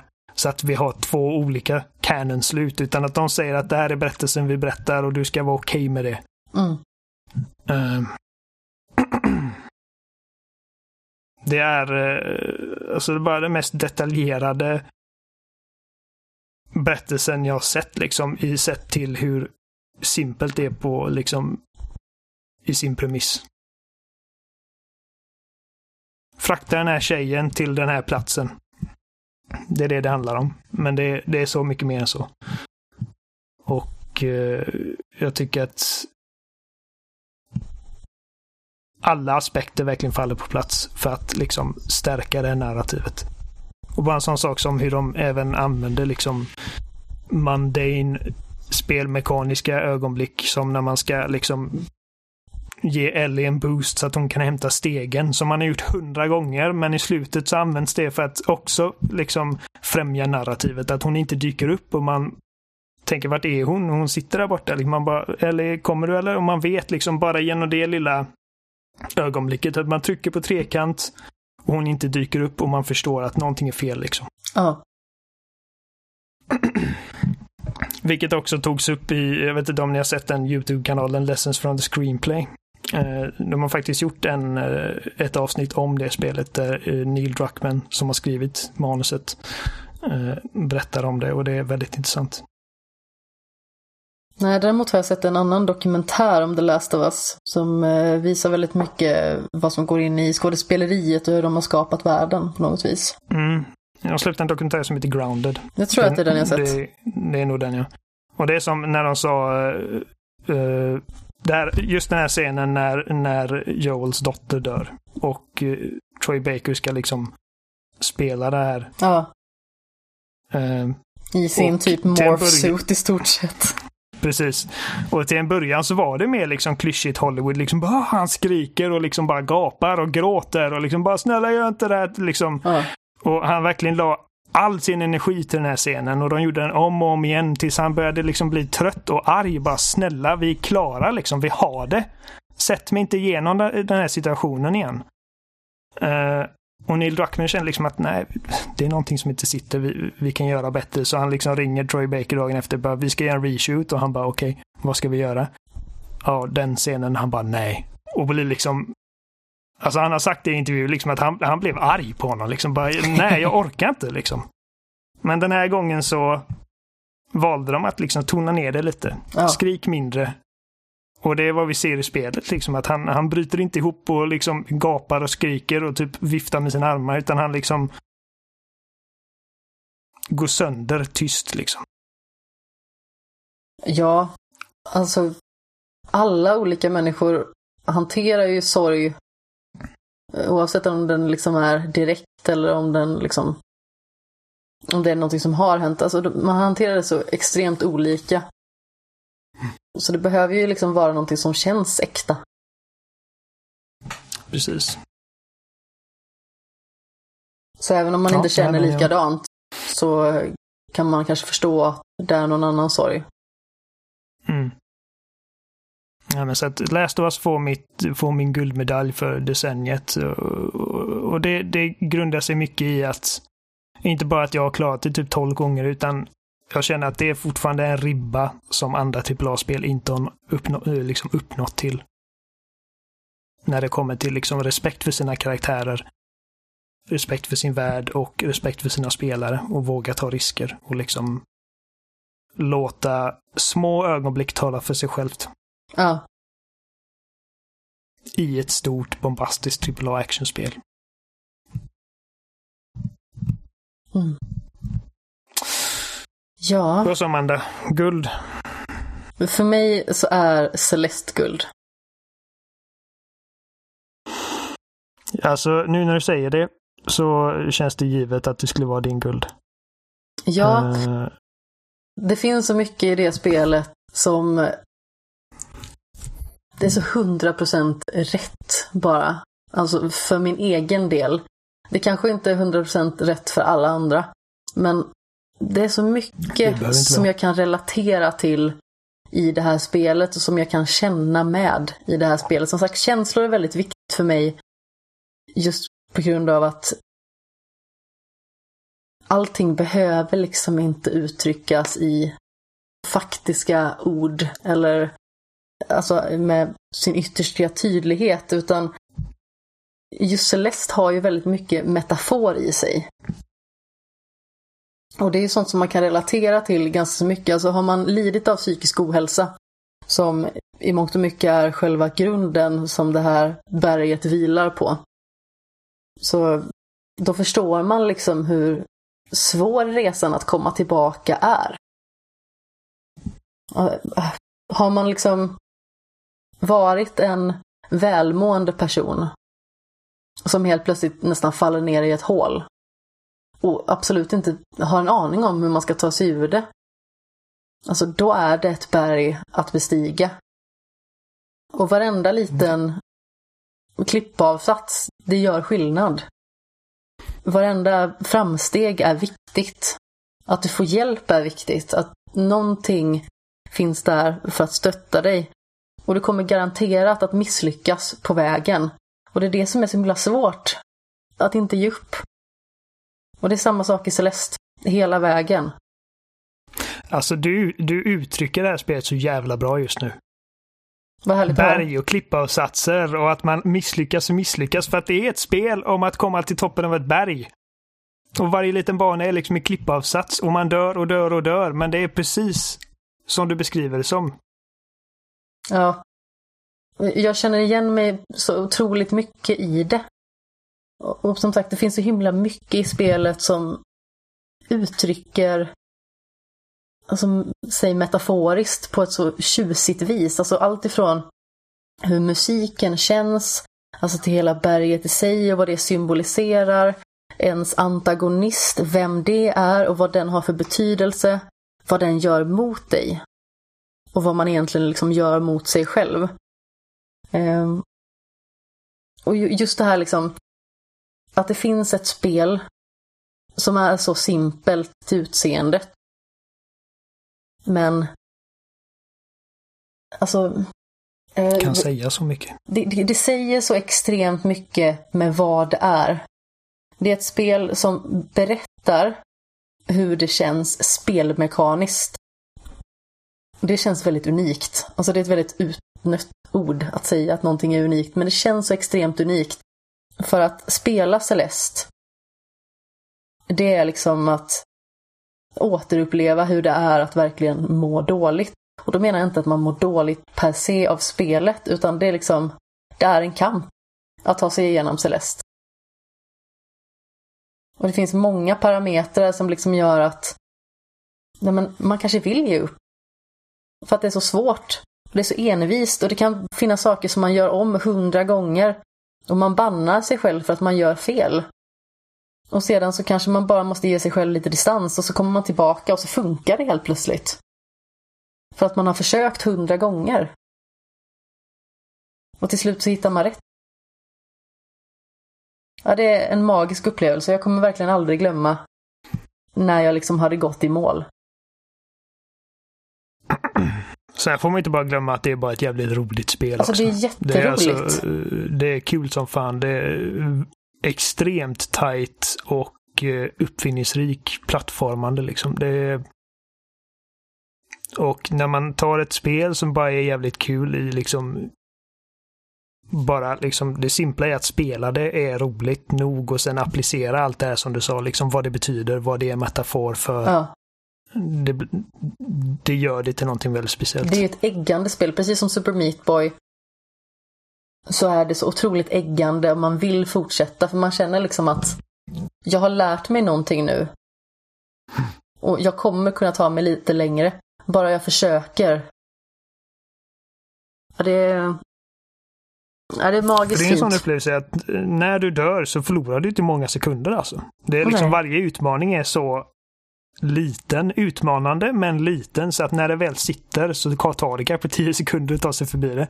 Ja. Um, så att det, det, är liksom inte ett spel där man dör hundra gånger och varje gång man dör så är det liksom två minuter som går förlorade så man bara kastar bort sin tid utan det är det ja, det är bite-sized challenges med många checkpoints och det känns aldrig som att man kommer till den punkten där det är lönlöst att fortsätta försöka. Mm. Nej men absolut.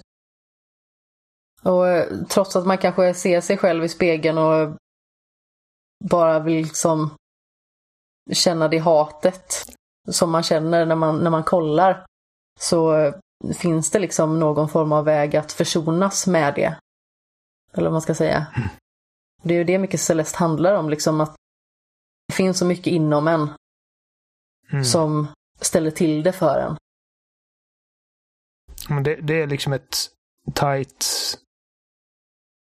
kul, väldesignat plattformsspel som likställer det här liksom med att, att må bra i sitt eget skinn inte alltid är så lätt. Utan faktum är att det kan, vara, det kan likställas med att faktiskt bestiga ett berg. Ja. Det är svårt och det tar tid och liksom man faller på vägen. Mm. Och, Sen så är det ju så att den här upplevelsen behöver ju inte vara så här.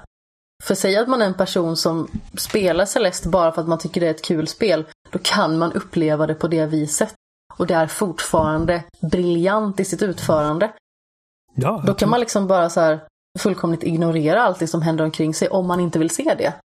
Men är man som jag som verkligen uppskattar det emotionella värdet så är det liksom så fruktansvärt starkt. Mm.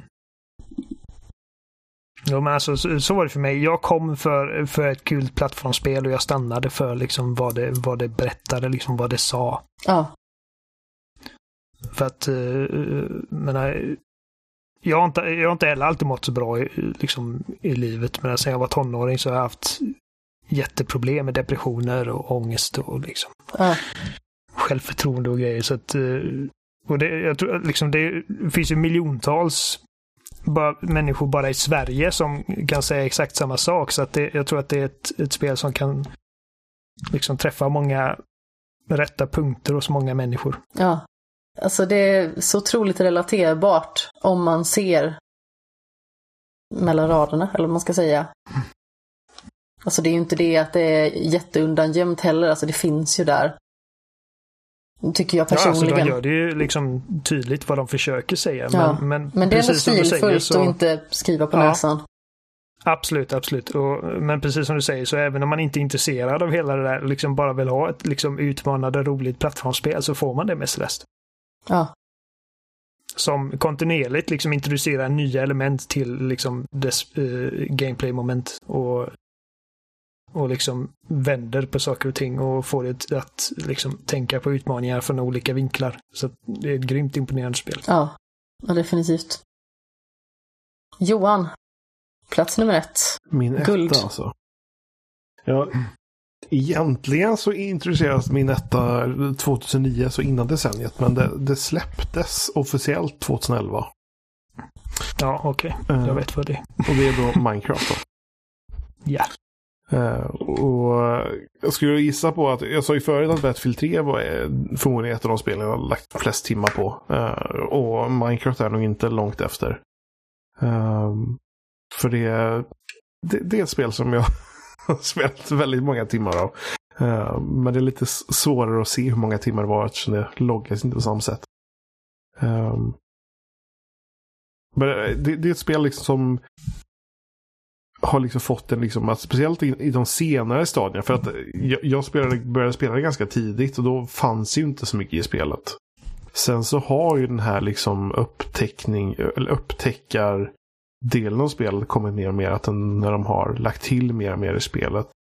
Um, och jag hade liksom multiplayer-servrar med massa folk och eh, bygger liksom stora städer och uh, det var liksom en så social sak också med att man, man spelade med massa folk och satt och chattade och uh, byggde liksom galna byggnader och sådär. Um, nej, det, det, det är ett sånt här spel som suttit fast i skallen ganska mycket faktiskt. Så det, det är ett så liksom sällsynt spel vars enda egentliga, egentliga gränser sitter i din fantasi och vad du kan liksom tillföra det. Mm. Eh, Och så, och så det har liksom med liksom, ändlös potential. Och så i och med liksom multiplayer-aspekten som inte ens fanns i början. Du kunde liksom bara spela det själv eh, från första början. Så, så är liksom den sociala aspekten liksom också att eh, och man måste inte liksom inte hjälpas åt. Man kan göra olika saker och sen så kan man kanske hjälpas åt och bygga saker. och det är just multiplayer-aspekten tror jag som har slått mest för mig faktiskt. Um, eftersom det blir sån social upplevelse också på ett sätt. Ja, man delar upplevelsen med någon. Mm. Men alltså, eh, jag har ju också liksom grymt fina minnen bara liksom från eh, när vi spelade, alltså du, jag, Jimmy och Robin och liksom alla våra kompisar var inblandade på något vänster vid något tillfälle och liksom hade sina hus och vi, gjorde, liksom, vi skapade ett litet samhälle tillsammans. Och det, vi byggde berg dalbanor och, lyxhotell och eh, borgar. Och alltså det... Och det är också otroligt att Ja. det fortfarande lever spelet. Det är liksom fortfarande Ja, men- liksom mängder av folk som spelar det. Det är fortfarande liksom folk som streamar spelet och lägger upp videos på YouTube om det. Det är, det, det är ändå liksom det är över liksom tio år sedan det liksom fort liksom fanns för folk att liksom spela överhuvudtaget nu. Så det. Jo, men som sagt, det, för att, alltså, det, det, det har inga gränser. Alltså det, eh, det finns liksom inga gränser på vad du kan göra med spelet. Det, det är bara din fantasi som sätter gränserna och det, det har ändlös potential till att liksom du kan starta nya projekt, du kan liksom gå ut på nya utmaningar och det, det är bokstavligen ett spel som aldrig tar slut. Ja. Och alltså, jag tror folk kommer spela det om tio år också. Mm. Det, det ska bli spännande att se faktiskt. Och spännande Ja. att se vart liksom, Microsoft tar det. De ska ju släppa deras så här, vad heter det, Pokémon Go-aktiga spel, det, Minecraft Earth. Jag tror det ska komma i år någon gång. Eller om det redan har kommit. Nej, det ska komma någon år, i år någon gång. Så det, det ska bli spännande att se vart de tar Minecraft överhuvudtaget. Och se hur de driver vidare det vanliga spelet också.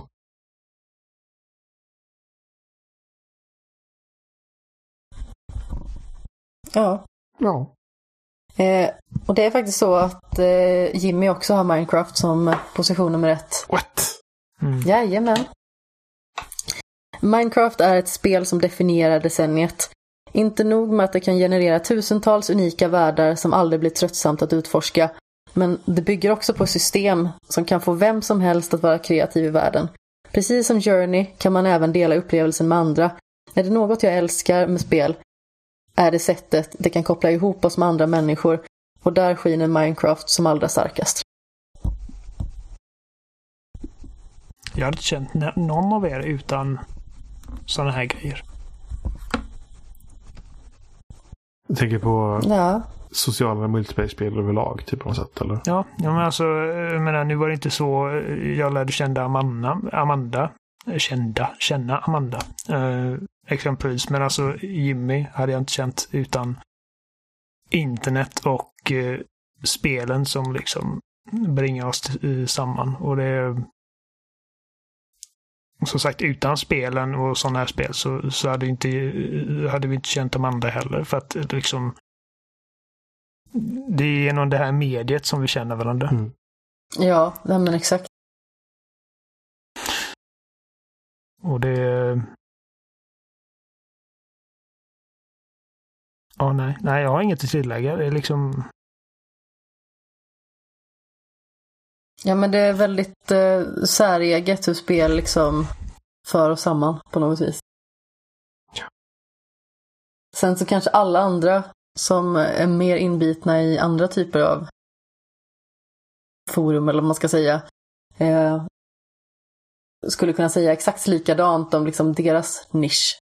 Men eh, det känns verkligen speciellt på något vis.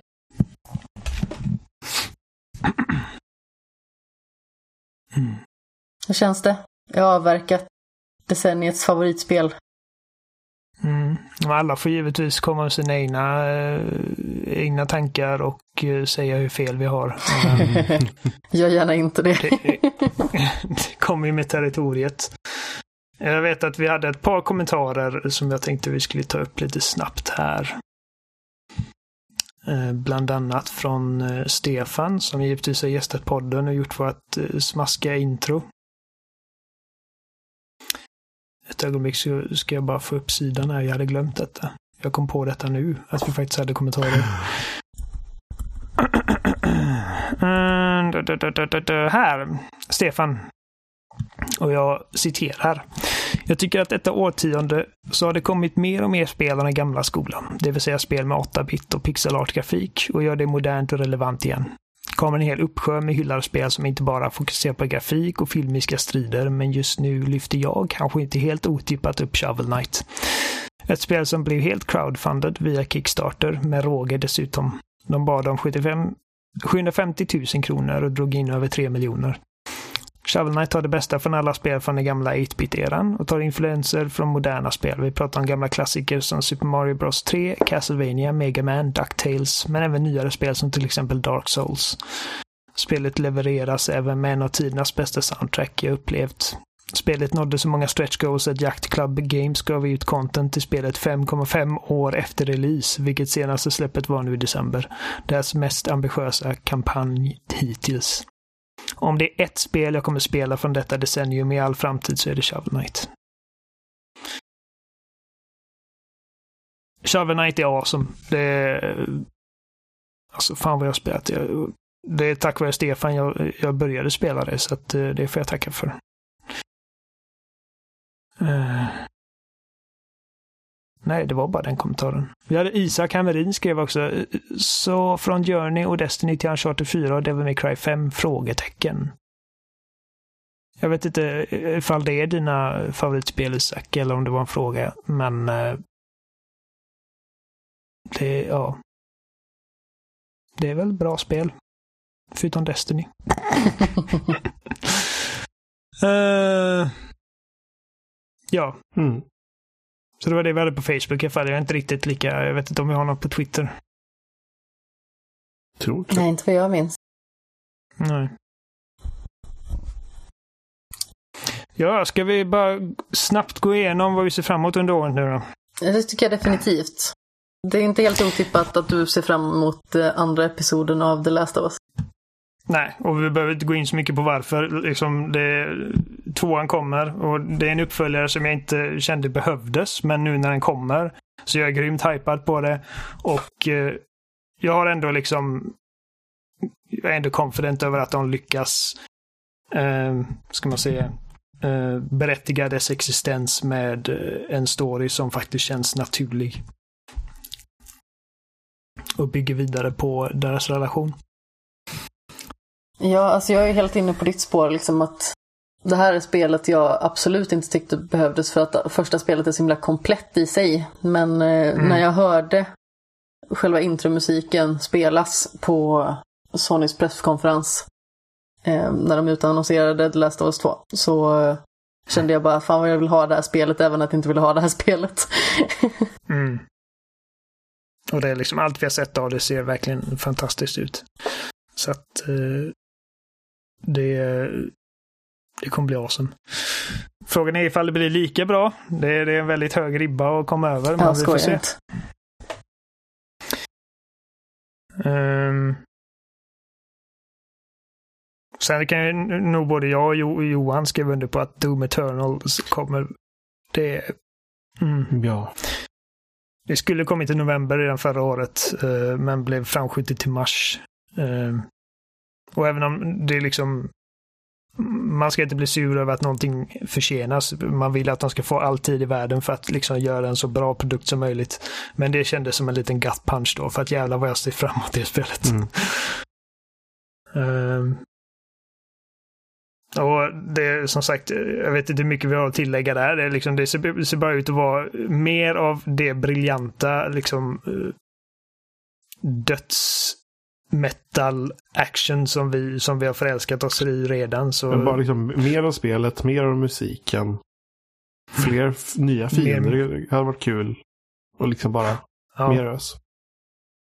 Mer ös ja. Mer uh, arg Doomslayer. Och uh, vi vet ju att de, de har tillfört grejer, typ som att nu, nu har man en enterhake bland annat. Och vi har liksom mer mobility, man kan klättra på väggar och grejer. Så det, jag tror det. Och, och id Software säger att de, de känner sig confident i att säga att det är det bästa spelet de någonsin gjort. Så att jag tror vi har någonting väldigt speciellt att se fram emot där. Har du någonting du kommer på just nu Amanda? Eller ska jag ta nästa på listan? Eh, alltså, jag hoppas ju innerligt att Super Meat Boy Forever släpps i år. Just det. Jag älskar första spelet. Jag tycker att det är fantastiskt roligt. Det kickar igång någonting inuti mig som gör mig till någon form av eh, jävligt envis gnu. Jag bara spelar Ja, om och spelar om och spelar om. Ja, men jag, jag tycker om den typen av svåra spel. Jag är inte bra på tredimensionella svåra spel. Utan eh, när det är tvådimensionellt är det rakt upp i mitt garage, höll jag på att säga. Jättekonstigt. Nej, i stinky. inte stinky. Ja, det får vi hoppas på. Det har inte ett bekräftat releasedatum då alltså? Nej, alltså. Det skulle egentligen släppts i april förra året. Jaha, okej. ja. Men nu Då- då står det i alla det fall rimligt eh, att- 2020. Så jag håller Ja, tummarna då- och tårna. Ja, samma här. Något annat jag hoppas eh, kommer i år är ju Elden Ring. Eh, från Softwares nya eh, spel. Och det, det är fortfarande väldigt eh, snålt på detaljer kring detta. Eh, som jag förstår det ska det vara lite mer av en öppen värld. Och eh, i alla andra avseenden så hade jag liksom, i alla andra fall så hade jag känt bara, åh fy fan, ännu mer open world. Men jag är grymt nyfiken på att få se vad eh, From Software tar med sig till den subgenren och vad de kan göra med liksom den ytan, precis som Nintendo då, som inte vanligtvis gör open world-spel och kommer med nytt perspektiv på det. Och eh, George R. R. Martin har ju haft ett litet finger i liksom eh, i skapandet. I eller åtminstone- Ja, finger i Stinky. Ja, men han har varit konsult på projektet så det, det blir väldigt spännande. Se vad som händer där. Vi får se ifall det släpps i år. Jag vet faktiskt inte riktigt. Ja, och sen så släpps ju Ori and the Will of the Wisps i år också. Ja, Vilket jag också ser fram om, emot. eh, 2D Och svårt som eh, röven. Fan vad eh, vackra de här spelen är. Och eh, Ja, alltså det är liksom bara perfekta kombinationer mellan visuell och, och liksom ljudbaserad skönhet. Alltså soundtracket i det spelet är så jävla vackert. ja. Alltså det var ju med stor sorg när jag hade, slä- äh, när jag hade släppt det. När jag hade köpt det till eh, PC. Jag inte kunde spela det. Eh, alltså det, Oj. vissa spel kunde jag spela på min laptop tidigare nämligen. Mm, okej. Så för typ fyra år sedan skaffade jag den när eh, Steam hade någon sån här superrea som de ofta har någonstans på våren. Eh, däremot för, om det är två år sedan, så spelade jag första spelet med Tobbe Fix från Svampriket och vi streamade hela spelet i en sittning. Och den sittningen gjorde så jävla ont i röven, måste jag bara säga. Spela inte det spelet i en sittning på en pinnstol. Det är inte bra för en sittben. Alltså jag hade så ont i sittbenen.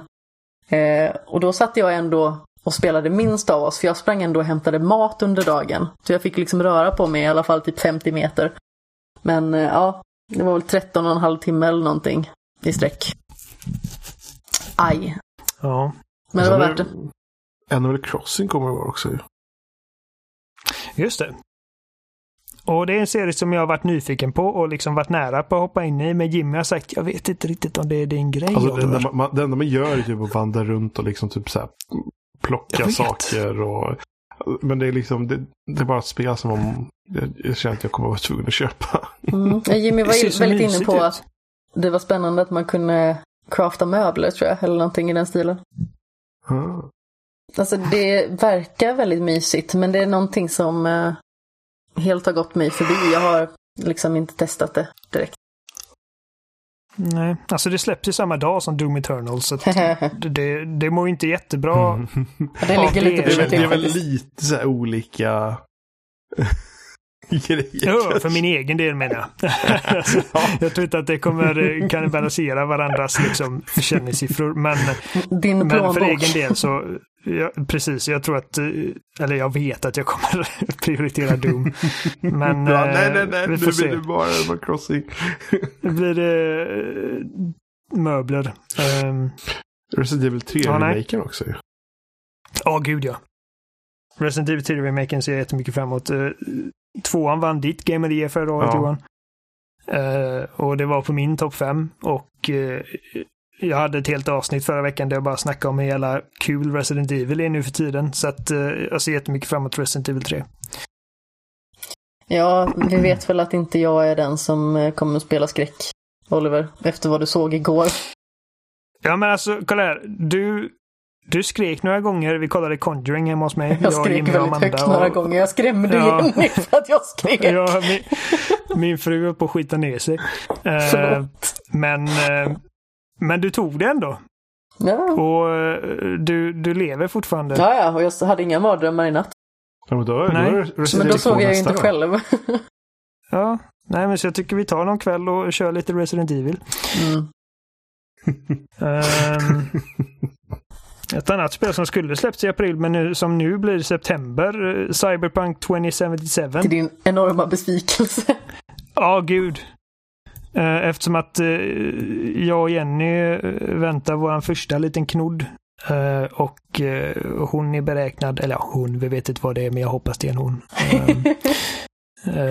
Blir det en han, då lämnas han till vargarna. Ja, precis. Eller på brandstationen åtminstone. Level. Uh, nej, nej. Det var ett skoj. Det blir bra, det blir bra oavsett. Men uh, hen är beräknad till den 29 juli. Så att i september är jag pappa.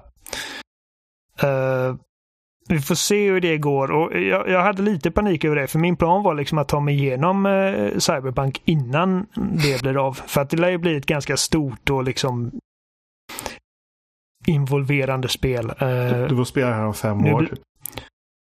Ja, Eller så kommer Cyberpunk vara allt du spelar i typ tre ja. år framöver.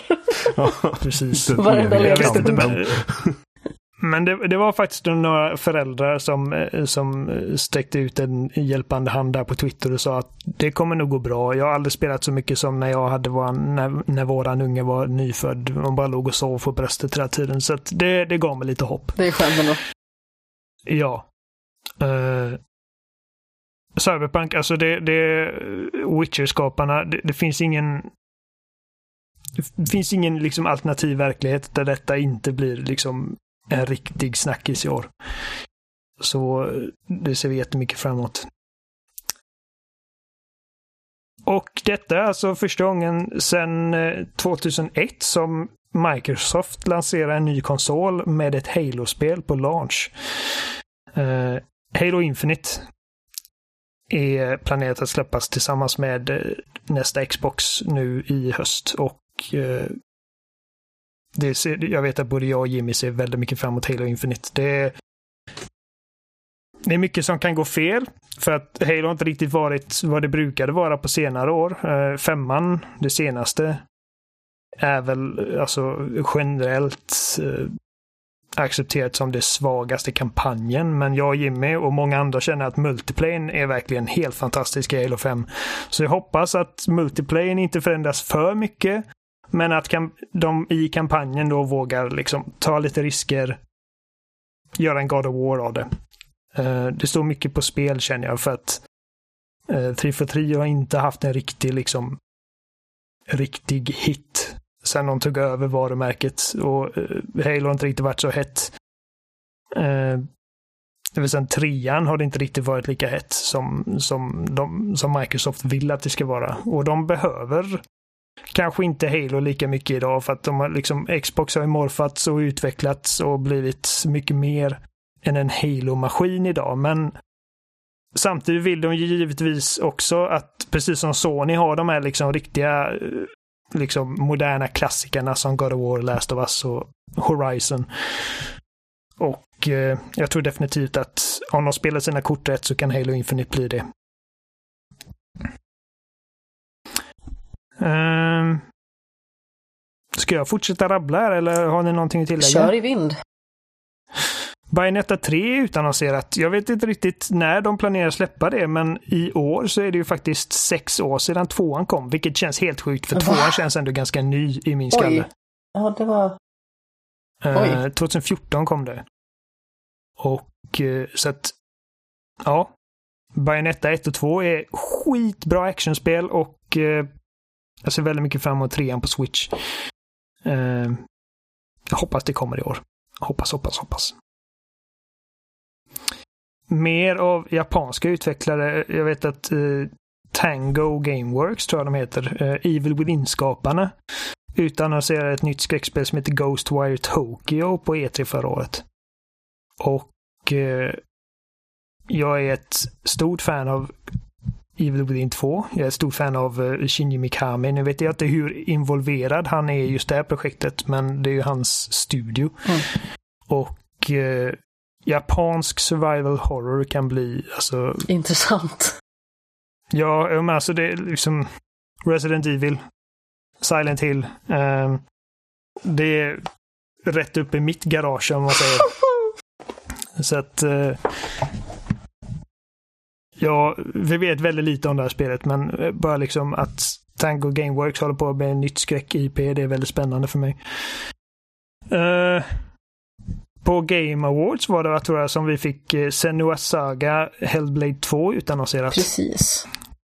Och uh, vi vet inte uh, om det kommer vara redo för lanseringen av nästa Xbox. Så det är mycket möjligt att det här inte är för 2020, men Omöjligt är det inte och jag ser väldigt mycket fram emot Hellblade 2. Jag tyckte om ettan väldigt mycket. Mm. Väldigt imponerande vad ett så litet team kan göra för att de är så talangfulla. Ja, absolut. Uh, och Ninja Theory är uh, det är verkligen den typen av studio som Microsoft verkligen behöver. Så det är verkligen en win av dem för att, att liksom ha tagit in dem under sitt Xbox-paraply. Ja. Har jag fått en liten minneslucka eller har vi nämnt remaken av Final Fantasy 7? Nej. Take it away. Okej. Okay. Ja, den kommer i år. Ja. Hej. har du spelat originalet? Det har jag inte. Eller jag har inte spelat Nej. klart rättare sagt. Jag har spelat det. Jag tycker i ärlighetens namn att inledningen är ganska så trög. Jag tycker att det är ett bra spel. Jag tycker inte det är det bästa Final Fantasy-spelet. Men jag är väldigt intresserad av vad de gör med liksom det här första kapitlet som det egentligen kommer bli. För det kommer bli flera kapitel av Final Fantasy 7. Mm. Och det här kommer väl i mångt och mycket bara utspela sig i Midgar. Som en ganska så ja, seg del att ta sig ur, men jag hoppas att de gör något väldigt intressant med det istället.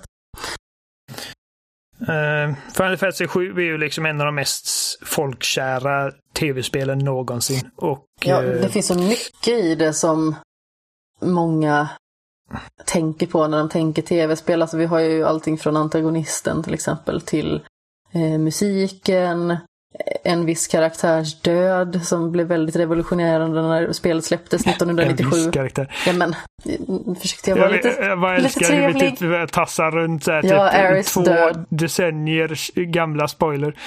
Uh, Darth Vader är Lukes pappa förresten. Åh oh, nej.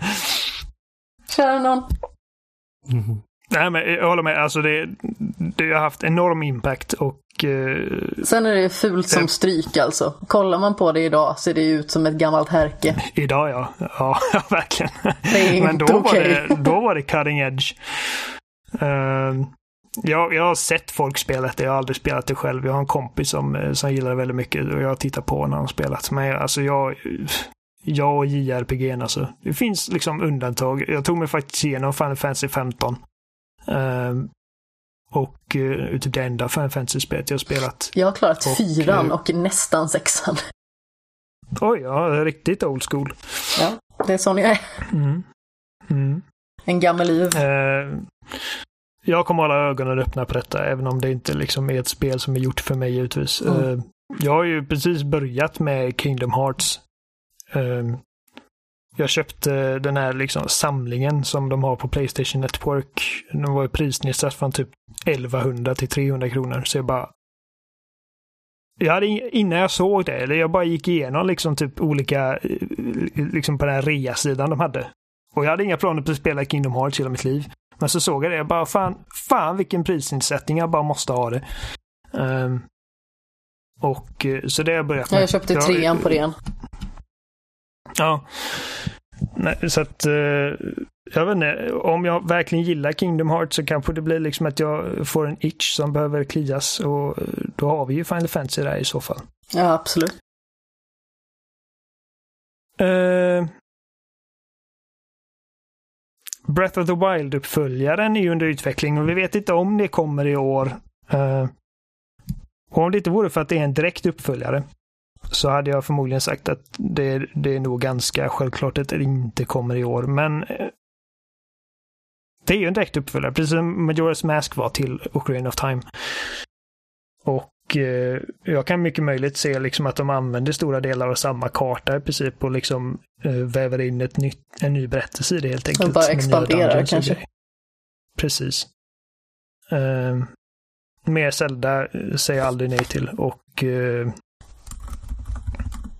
ifall de kan slänga in lite mer liksom traditionella dungeons med, med mer involverat narrativ så kan det bli väldigt bra. Och det sista jag har på min lista är Ghost of Tsushima. Ja, precis. Uh, Playstation 4 exklusiv titel som, jag, som jag, jag, kan tänka mig faktiskt gör någon form av gästspel i någon remaster eller någonting. Eller kanske till och med släpps i en, en specifik version till PS5 senare.